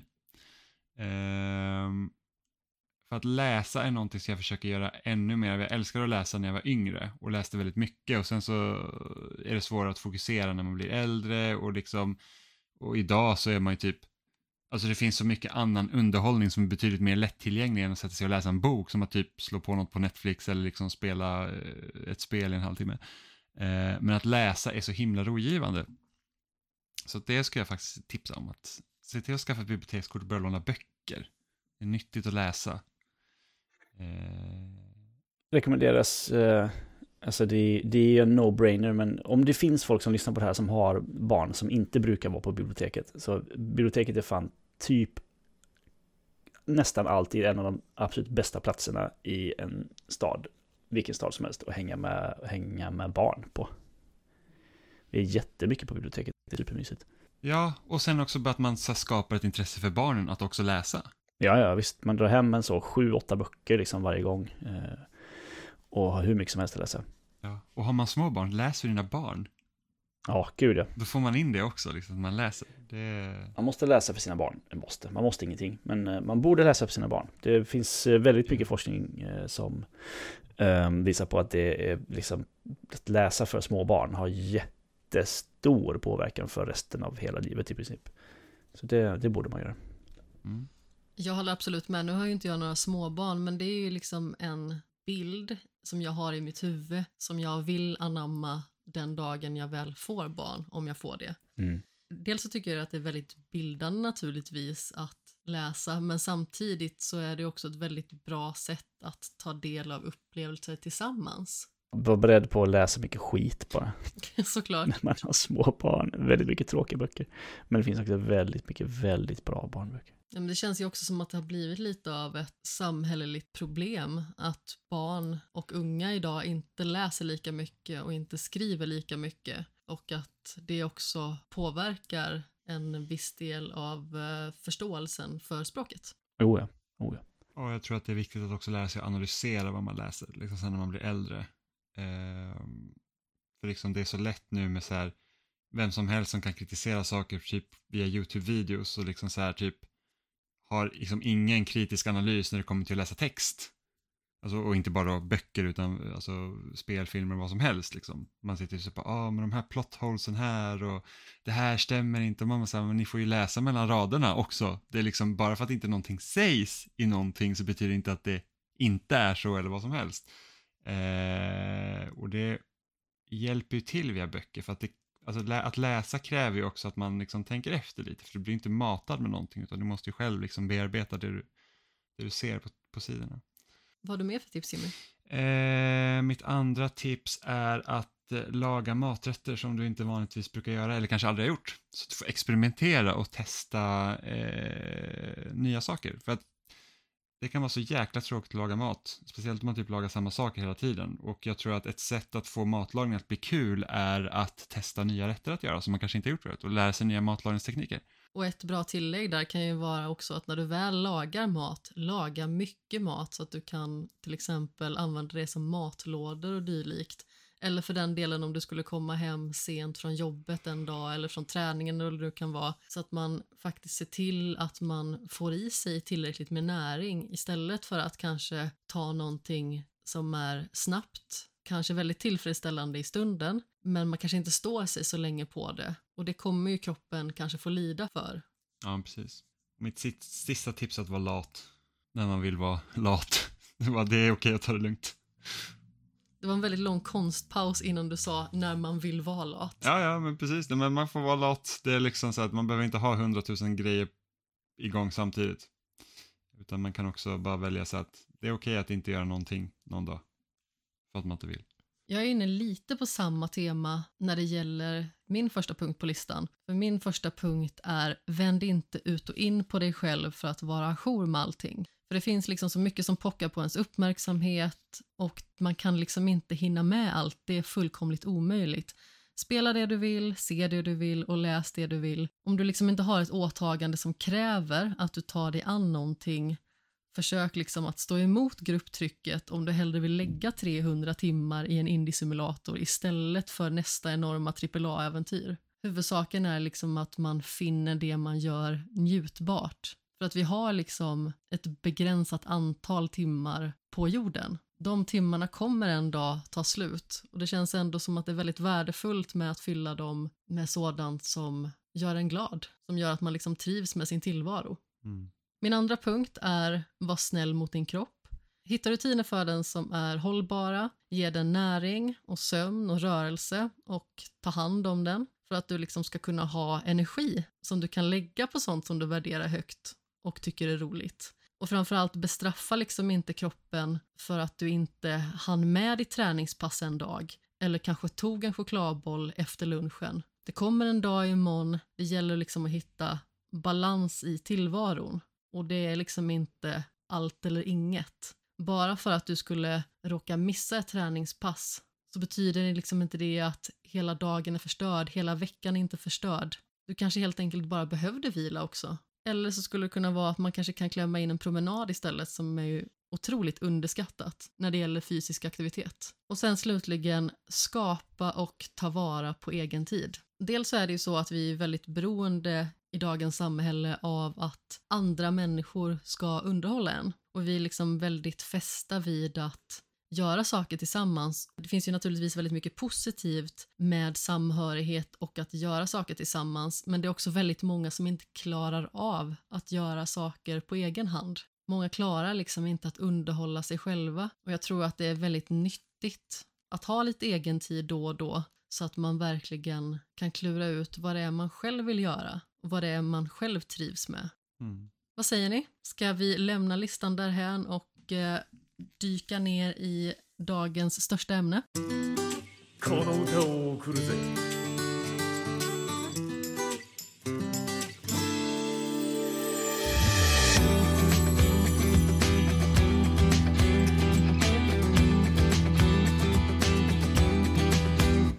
情けなくて恥ずかしくて逃げ出したくなる時はあるかい 悲しすぎて虚しすぎて死にたくなる日はあるかい？俺はある。でもまだ。俺は俺を信じたいんだ。逃げねえし死ねね。え成り上がる。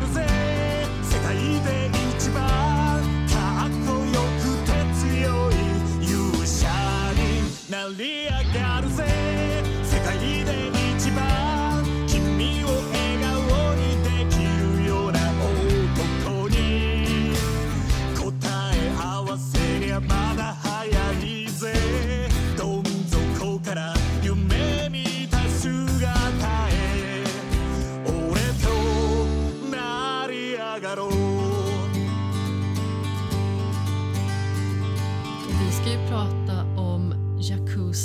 Like a Dragon.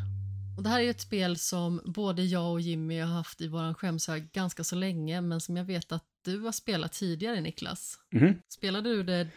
När det kom ja. Ja, precis. Uh, Japp, då spelade jag hela det. Jag spelar ju, jag är ju en, ett uh, Yakuza-fan. Uh, har jag blivit på senare år och spelar ju de spelen när, det, när de kommer liksom. Du spelade även Ishin, eller hur? Jag gjorde det, det spelade inte klart dock. Eh, det var trevligt och det var, det var kul och sen så kom andra spel och sen så var det ändå, det är ju ändå inte en del av liksom, ja men hela main, eh, main storyn i Yakuza, det är ju ett, en, en spin-off liksom. Så det var ju mer en, eh, som en, en kul grej typ. Som var jättebra. Det var ju ett Yakuza-spel i, i, all sin rätt så. Men nej, det blev inte, behöver kanske en sån där 15 timmar eller någonting i det. Ja, men precis. Det är ju ett spel som jag har sneglat lite grann på, som jag har varit lite sugen på faktiskt. Men inte kommit mig för att köpa just på grund av att det har funnits så himla mycket annat att spela och om jag inte har känt att jag har varit sugen på att ta mig an en större upplevelse så har jag liksom inte gjort det för att jag känner att det kanske inte riktigt är rätt läge och att jag inte kan göra upplevelsen rättvisa.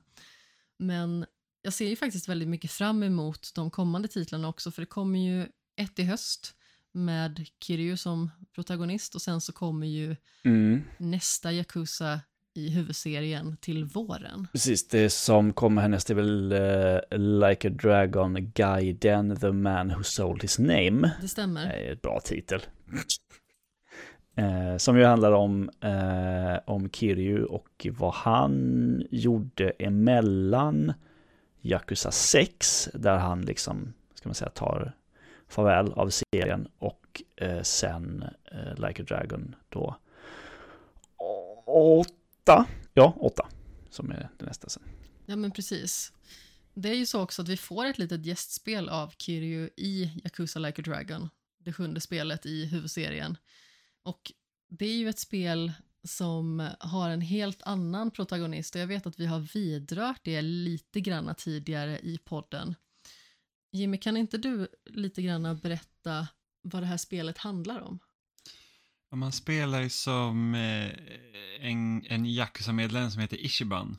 Eh, som tar på sig ett mord eh, och hamnar i finkan istället för att eh, den klanen han tillhör och då är en annan person som har mördat någon eh, men som de inte kan skicka i fängelse. Och då lovar han att ta på sig den här.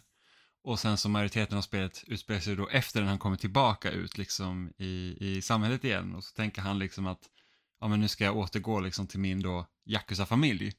Och eh, allt har ju liksom ändrats. Det är liksom, den klanen han var medlem tidigare, den finns ju inte kvar och hans då liksom boss som har liksom varit en väldigt så här, fadersfigur för honom, liksom låtsas i princip som han inte finns. Eh, och så ska man liksom då ta reda på varför egentligen, vad är det som har hänt? Och, och sen så på Yakuza-manér så händer det ju en hel del saker Eh, med många twists and turns så att säga. Jo men precis, det är väldigt karaktäristiskt för den här serien att det tar vändning på vändning hela spelet igenom egentligen och framför allt i slutet så brukar det ju vara väldigt många nya saker som nystas upp. Och så även i det här spelet och i vanlig ordning så kommer vi ju att eh, prata mer spoilerande om den här titeln. Så om det skulle vara så att man inte har konsumerat spelet och skulle vilja göra det innan uppföljaren kommer så kanske det är bra att lyssna på den här diskussionen efteråt helt enkelt. För nu går vi in på mer spoilerande territorium och det är ju nämligen så att det som händer med Ichiban det är ju att den här fadersfiguren som då är ledare för klanen skjuter honom. Vilket resulterar i att eh, han har en nära döden upplevelse men han blir uppfiskad av nya bekanta helt enkelt som tar hand om honom och ser till att han återställer sig så väl som möjligt. Och då har man kommit till en helt ny del. Vart har man kommit för någonstans Jimmy? Jag tänker, vad fan kommer, är, är det Yokohama kommer? Precis. Ja, just ja, vad bra. Jag kommer ihåg rätt. Tidigare så har man ju fått bekanta sig med Kamurocho. Mm. Som egentligen liksom den stadsdelen som är med mest i den här serien. Precis. Och nu hamnar man någon helt annanstans, man har helt andra förutsättningar, man är hemlös, man har inga pengar och man har i stort sett bara kläderna på kroppen. Och med det här utgångsläget så ska man helt enkelt försöka att ta sig tillbaka till lite mer sin forna glans och framförallt reda ut vad det är som har skett egentligen. Och med sig så är det en hemlös som heter Namba och man har också med en polis som bara några månader innan sin pension fick sparken. Och den här polisen har hela tiden varit övertygad om att man är oskyldig.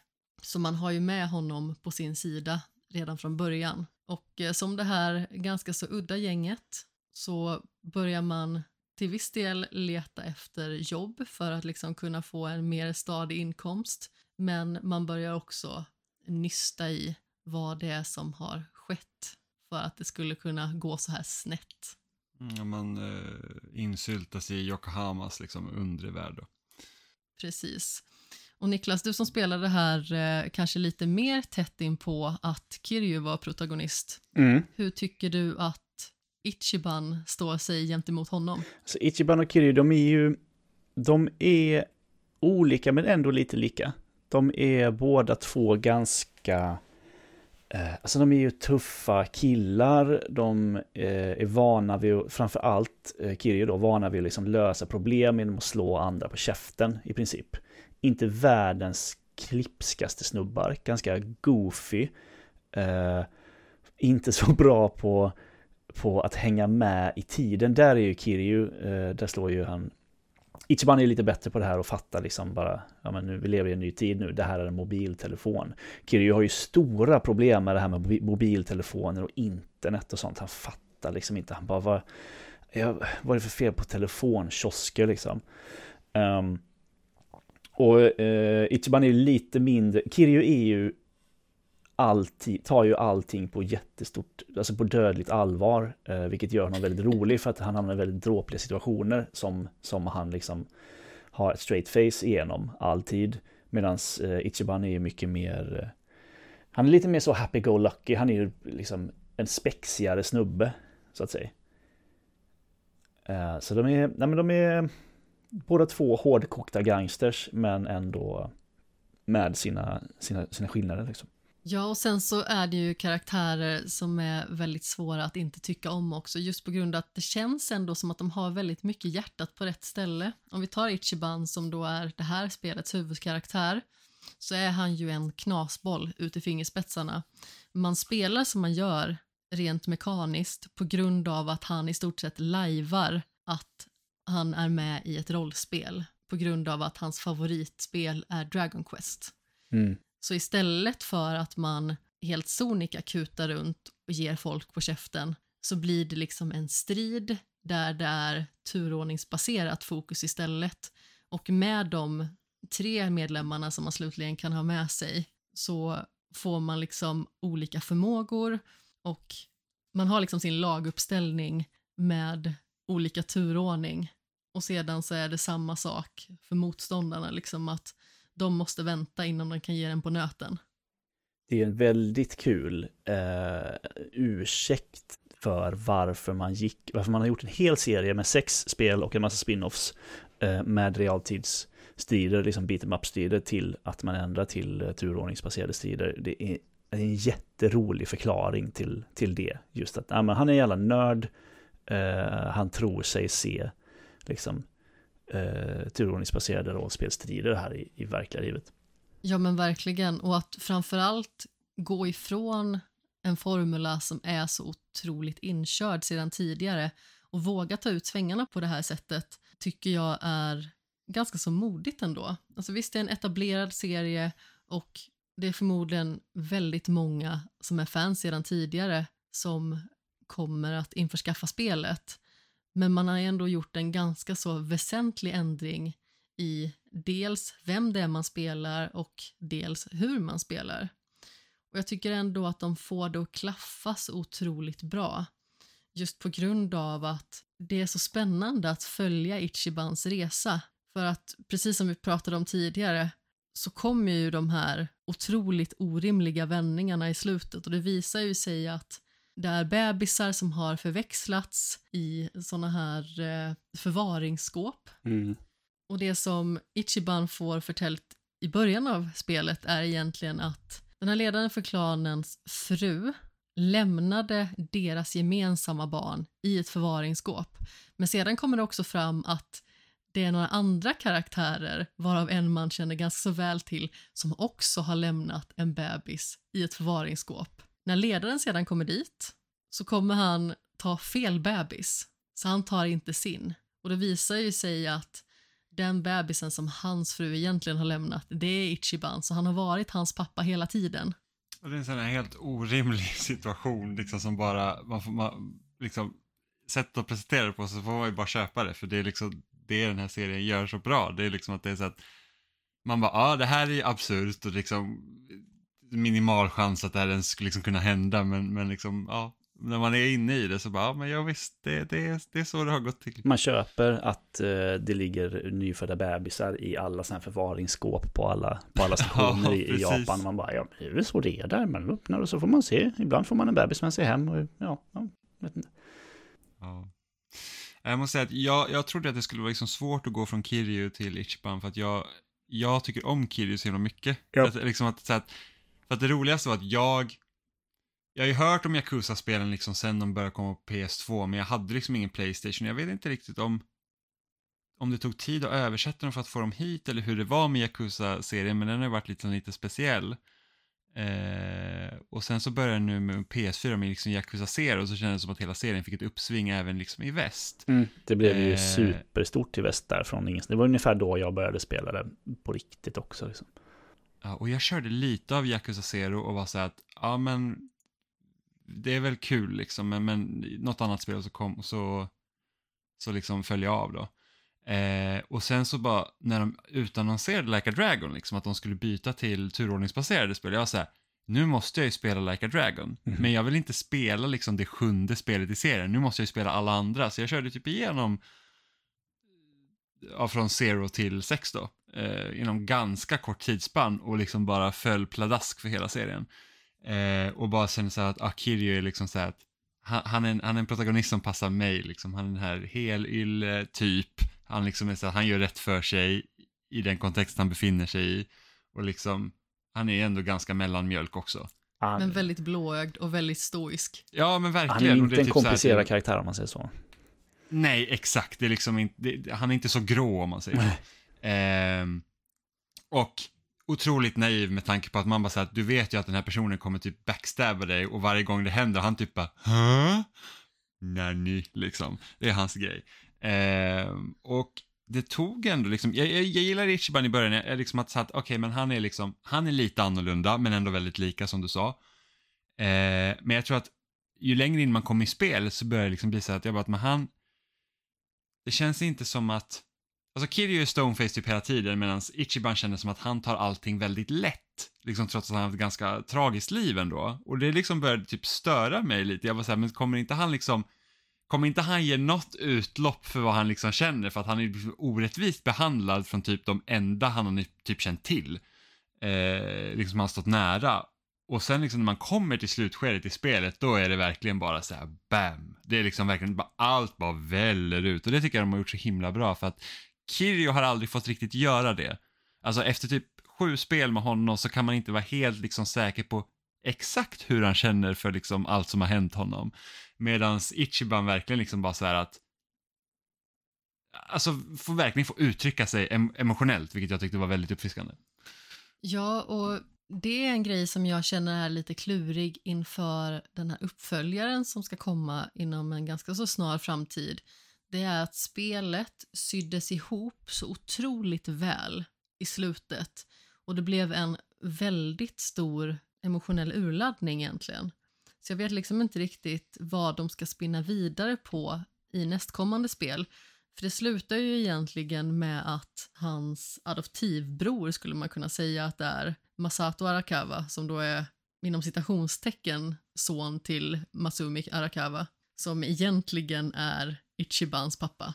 Eh, bara det att han fick med sig fel bebis från skåpen. Det visar ju sig att eh, han är skurk hela tiden och har liksom byggt upp ett imperium. Och, eh, och det absolut sista som händer är ändå att man sitter typ och bölar över att han dör i Ichibans armar. Mm. Mm. Det är en väldigt liksom, alltså det, är, det är ändå också klassisk Yakuza-manér, att det, det, är en väldigt så här, bombastisk slutkläm, liksom att det är, nu slänger man alla kort på bordet liksom, och så har man en cutscene på typ en och en halv timme. uh, men jag undrar också hur de liksom ska ta vidare det här liksom, i nästa spel, för att det här är ju en väldigt personlig berättelse för Ichiban. Eh, vilket det till synes från början inte, alltså Även såklart vi ska lära oss mer om Ichiban, men i början av spelet så känns det ju ändå liksom inte, den känns betydligt mer ytlig än vad den faktiskt sen eh, blir. Eh, eftersom man inte helt har koll på de här liksom relationerna som karaktären har däremellan. Så jag undrar ju verkligen liksom var, var ska de ta berättelsen i, i åttan då? Men det var lite det jag var inne på tidigare också, att det blir liksom svårt att följa upp det här med tanke på hur personlig berättelsen var. Hur ska de gå vidare med liksom nästa stora skurk i och med att liksom det var en sån personlig koppling hela vägen igenom. Jag har lite svårt att se vad de har tänkt sig faktiskt. Men jag måste ändå säga att eh, det här spelet växte väldigt mycket på mig. Jag tyckte att det var kul att spela inledningsvis och det var liksom inte allt för bökigt att komma in i även att det inledningsvis liksom var ganska så mycket spring till det här stället, gör den här grejen, kolla på den här filmsekvensen i 15 minuter och sen så höll det på så. I och med att man dels får uppleva Ichiban som 23-åring och att han liksom i stort sett tar hand om Masumi Arakawas son som eh, mestadels sitter i rullstol. Just på grund av att han, antar jag, fick någon form av syrebrist när han blev fast i det här skåpet. Och sen så får man liksom bevittna hur han hamnar i fängelse och sedan kommer ut då 18 år senare. Och det känns som att uppbyggnaden där kanske är lite seg, men den är ändå liksom inte så pass tungrodd att den inte är möjlig att ta sig igenom. Och sen i inledningen av att man kom in i Yokohama så kändes det liksom väldigt mycket som att man mest pulade omkring. Men ju längre in i spelet man kom och ju mer allvar som man som spelare konfronterades med, desto mer uppskattade jag också upplevelsen. En sak jag tycker är väldigt imponerande med Like a Dragon, det är också att, det är att, att de har gjort det här skiftet till turordningsbaserade strider och det känns väldigt fortfarande mycket som Yakuza. Liksom att, att det skiftet är inte lika drastiskt som man först kunde tro. Känner jag i alla fall, för att jag tycker att liksom jag tänkte att det kommer kännas helt annorlunda att spela Like a Dragon jämfört med de tidigare spelen, men jag, men jag tycker ändå att de har liksom översatt det väldigt bra till ett helt nytt stridssystem. Att det, det, liksom, det känns inte avigt eller liksom helt annorlunda, utan det är, det är liksom liknande. Det kan jag lite grann skriva under på också. Just den här biten med att de tar liksom en helt ny formula men de får det fortfarande väldigt mycket att osa Yakuza. Jag har ju inte spelat de tidigare spelen men jag har sett dig spela dem väldigt mycket Och jag tycker ändå att det bringar lite samma känsla som i alla fall jag har fått ta del av som bisittare. Och eh, jag har ju verkligen eh, också slagits mycket av hur de spelen liksom varit uppbyggda med hur mycket det finns att göra och alla liksom lustigheter som man stöter på längs med vägen. I det här spelet så blir det ju ganska så tydligt att man i stort sett går in i en vägg med saker som man måste göra för att kunna ta sig vidare i berättelsen. Och dels så har vi ju den här eh, lilla bisysslan Ichiban Corporations. Yes. Som helt enkelt innebär att man ska ta ett litet företag och se till att det här företaget liksom når toppen i stort sett på aktiemarknaden. Mm. Och det tar sin lilla tid, kan jag säga. Mhm. Och jag kom inte upp i den absoluta toppen för att slutligen så hade jag så pass mycket pengar att jag skulle kunna ta mig vidare i huvudberättelsen. Och ju längre upp på den här pyramiden som man klättrade, desto längre tid tog det ju också att klättra. Så det betyder ju liksom att man skulle behöva lägga väldigt mycket tid på de här varuleveranserna, de här styrelsemötena till exempel som ser ut som att man i stort sett sitter i någon form av eh, domstolsförhandling egentligen. Eh, det är en väldigt antagonistisk stämning. Jag tyckte det läget var jättekul. Jag vet inte varför, men det var så dumt. Och jag hade så roligt med det. Ja, men alltså, det finns ju någon form av tillfredsställande ådra i det. Det som jag tyckte var lite knöligt, det var att det är så mycket som kastas på en Mhm. på en och samma gång. Och sedan ska man liksom försöka lista ut hur man ska göra det här på allra bästa sätt. Och när man väl kommer in i det, då flyter det ju på. Men samtidigt så kände jag efter att jag hade suttit i det läget i typ fyra dagar att nej men nu får det faktiskt vara nog, nu måste jag gå vidare i huvudberättelsen. Jag älskar ju de här små, liksom, typ affärsverksamheter man kunde haft genom Yakuza. Liksom. Det, det, den här, eh, hela den här med att ta hand om företag var rätt så kul. Men sen de här Hostess Club-grejerna som har funnits i tidigare spel, det har ju varit riktigt roligt. Ja. Alltså det har varit jättesvårt att slita sig från det. Typ, jag tror det var Yakuza Zero hade det och om det var Kiwami 2 som hade det liksom på ett liknande sätt. Då, där man liksom sitter och, och liksom styr över hela den här klubben och måste så här, tillfredsställa gästerna och liksom anställa folk. Alltså det, det är beroendeframkallande. Man bara, jag skulle bara kunna spela det här. Det här med Hostess Club är också en sån väldigt besynnerlig grej egentligen för att vi har ju inte någon form av riktig motsvarighet eller liknande om vi säger i väst.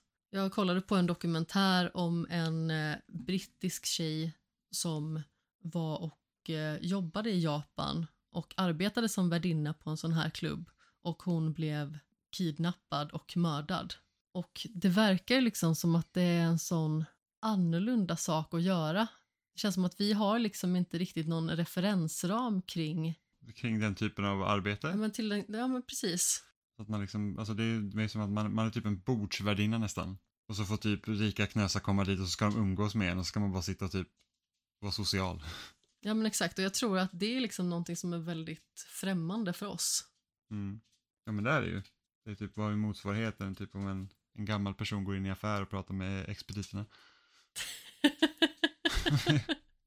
Var den bästa jämförelsen du kunde komma Ja, på? men jag vet inte vad jag ska vara för jämförelse. Nej, men det skulle väl kanske snarare vara att eh, en servitris faktiskt blir en del av sällskapet. Ja, precis så hade man kunnat säga. Om man är ute på restaurang till exempel. Ja. Om ni inte redan har sett den, eh, om man vill ha mer insikt i just den här eh, dels eh, hostess-branschen och även liksom Yakuza-branschen så tycker jag att eh, Tokyo Vice tv-serien var otroligt bra på det. Eh, den är som, eh, det är som Yakuza fast tv. Ja, just det, den finns på... HBO tror jag. HBO, ja, va? Den är Mm. jätte, Ja, den har jag ju velat jättebra. se. Eh, och som, som, som någon då, som mig, som jobbar som journalist, kan jag ju meddela att jag tycker serier som handlar om en västerländsk journalist som flyttar, och att jag också älskar Yakuza-spelen, eh, handlar om en västerländsk journalist som flyttar till Japan och eh, blir insyltad i, eh, i den japanska maffian. Eh, den är liksom som klippt och skuren. Det pirrar till någonstans hos dig helt enkelt. Ja. Eh, och sen så att ja, Ken Watanabe är ju med. Det, det räcker ju liksom långt. Ja men spännande. Ja, då får den läggas till skämshögen helt enkelt. Mm, det är mycket hostess, eh, mycket som utspelar sig på hostess-klubbar eh, och med liksom, kvinnor som jobbar som, som hostesses. Så att säga. Ja, men precis. För jag tror liksom att det är nog svårt att liksom sätta fingret på alltså själva arbetet i sig. Mm. Och att det liksom blir liksom så avlägset för oss som inte har någon form av motsvarighet på något sätt. Det, det är väldigt, väldigt udda men också intressant. Men eh, hur känner du Niklas inför liksom kommande spel? Eh, Hur känner du att det här spelet liksom har lagt upp för det?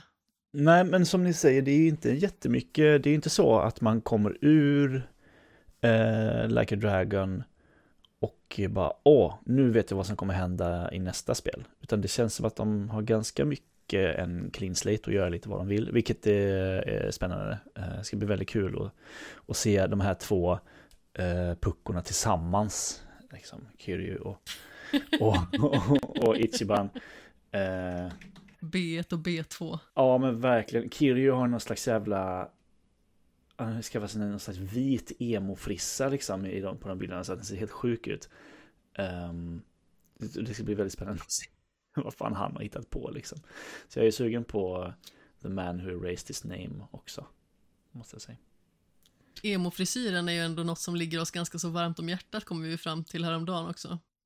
Mm, precis. Jag har haft den här frisyren som man har på, det, det finns typ en bild liksom på, på Kiryu från det här spelet. Om man, den frisyren fast svart eh, var ju typ vad jag hade på eh, delar av gymnasiet. Liksom. Ja, samma här. Jag är förskonad från den frisyren, har jag inte rockat. Ja, ja, då har du missat något. Ehm, det, det, det, Det är så kul, för han åldras ju bara på håret, eh, Kiryu. ja, Han är ju typ, han ja. måste ju vara 50 plus eller någonting nu. Ja, gud ja. Eh, men han ser fortfarande ut som han är 25 i ansiktet. Och det har han gjort liksom sen alltid. Ja, till och med, jag tror till och med i uh, Yakuza Zero så ser han väl typ likadan ut förutom att håret är kortare. Ja, ja visst. Och där är han typ 20 eller någonting. Ja, precis, och det är 80, 84. Mm, det går liksom inte riktigt ihop egentligen hur, eh, hur gammal eh, hur gammal han är. Nej. Jag var tvungen att googla här nu, Kiryu Age. Eh, I, oj. I då, i Yakuza 6. Eh, ja, jag vet, nej, jag kan inte få fram hur gammal han, eh, hur gammal han är. Det är ingen som vet. Jo, eh, i Yakuza Like a Dragon så är han 50 och 51. Så tänk, lägg på något år till här då kanske. Han är, liksom, han är ju 50 plus. Han är 20 i Yakuza Zero ja. Så det går, ju- han är liksom, eh, Vi har varit med honom i 30 år av hans liv. Det är inte så vanligt. Det är inte så ofta han får vara det. Nej, verkligen inte. Man har ju svårt att köpa att han ska vara 50 alltså, med det utseendet. Ja. Också svårt att köpa att han skulle vara 20 när han ska vara 20. För då ser han ut som han är 30. Eller ja, så här 28 kanske. ja, och han beter sig inte heller som han bara vore 20 liksom. Nej, precis. För sen är han ändå, alltså i Yakuza 1 eh, ser jag här nu så är han 37. Han är ju liksom äldre. Ja. Eh, Äldre, han är, han är min ålder, men ja. Eh, Det är ändå ganska, så här att ha det som första, eh, i första spelet i, i, en, i en lång serie, det är ganska gammalt liksom.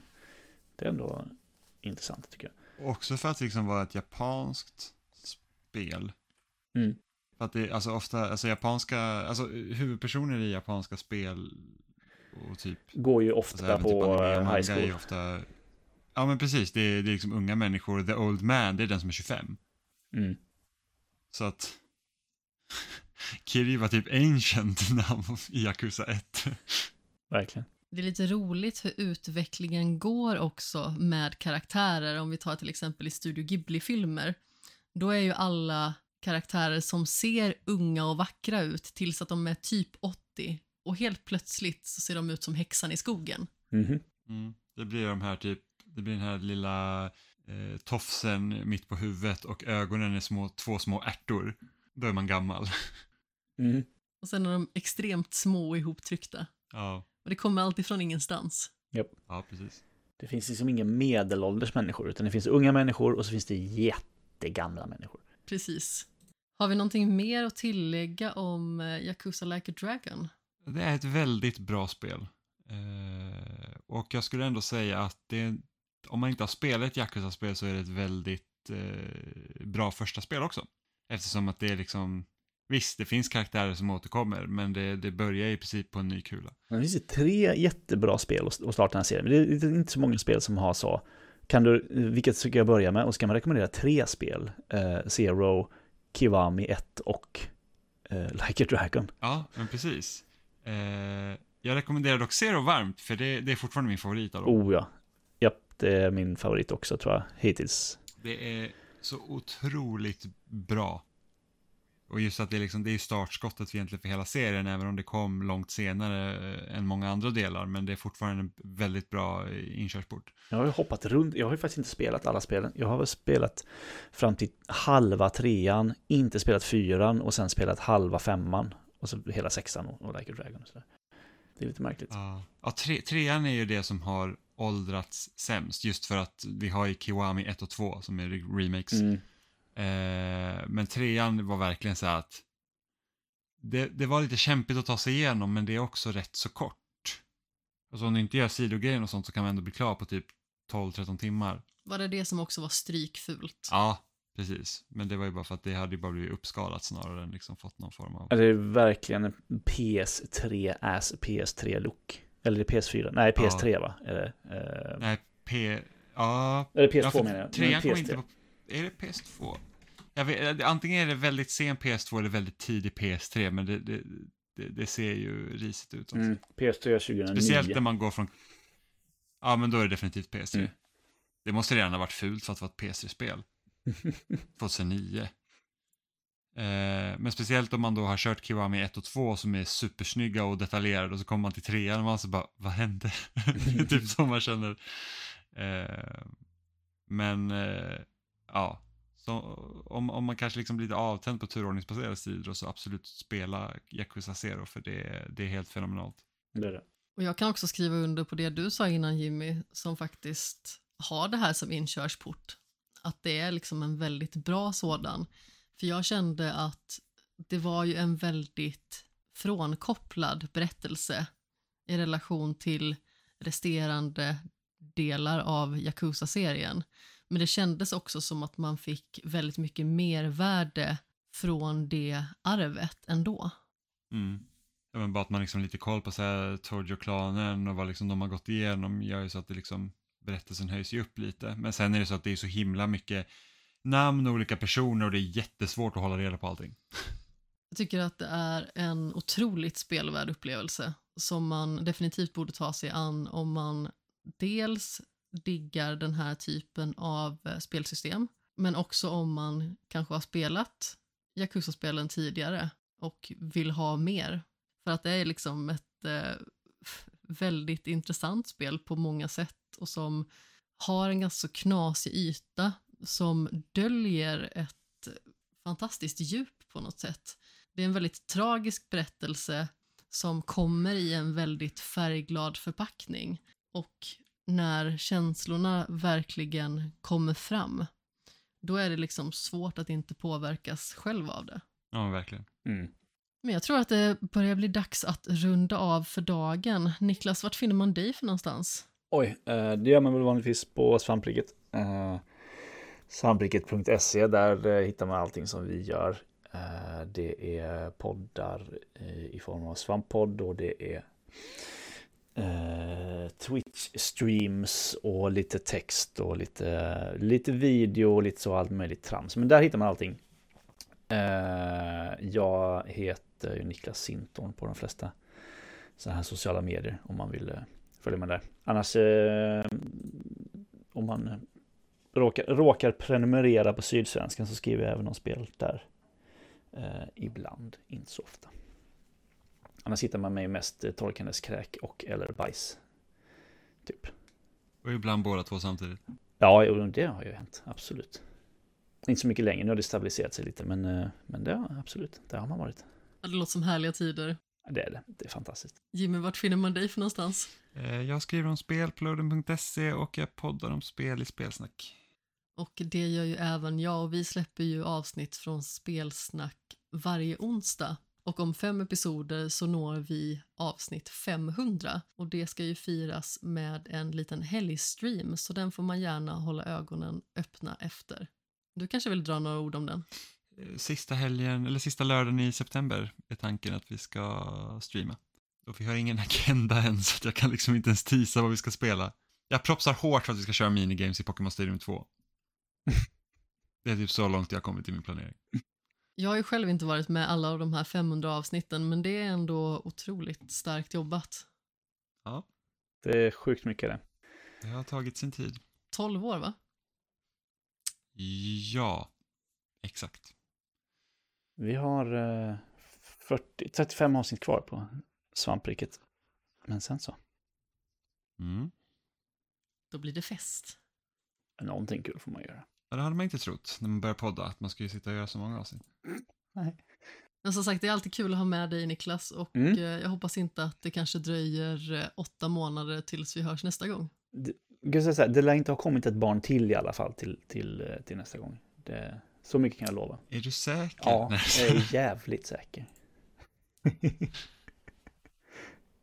jag är så gammal nu vet ni. Så gammal är du inte. Nästan.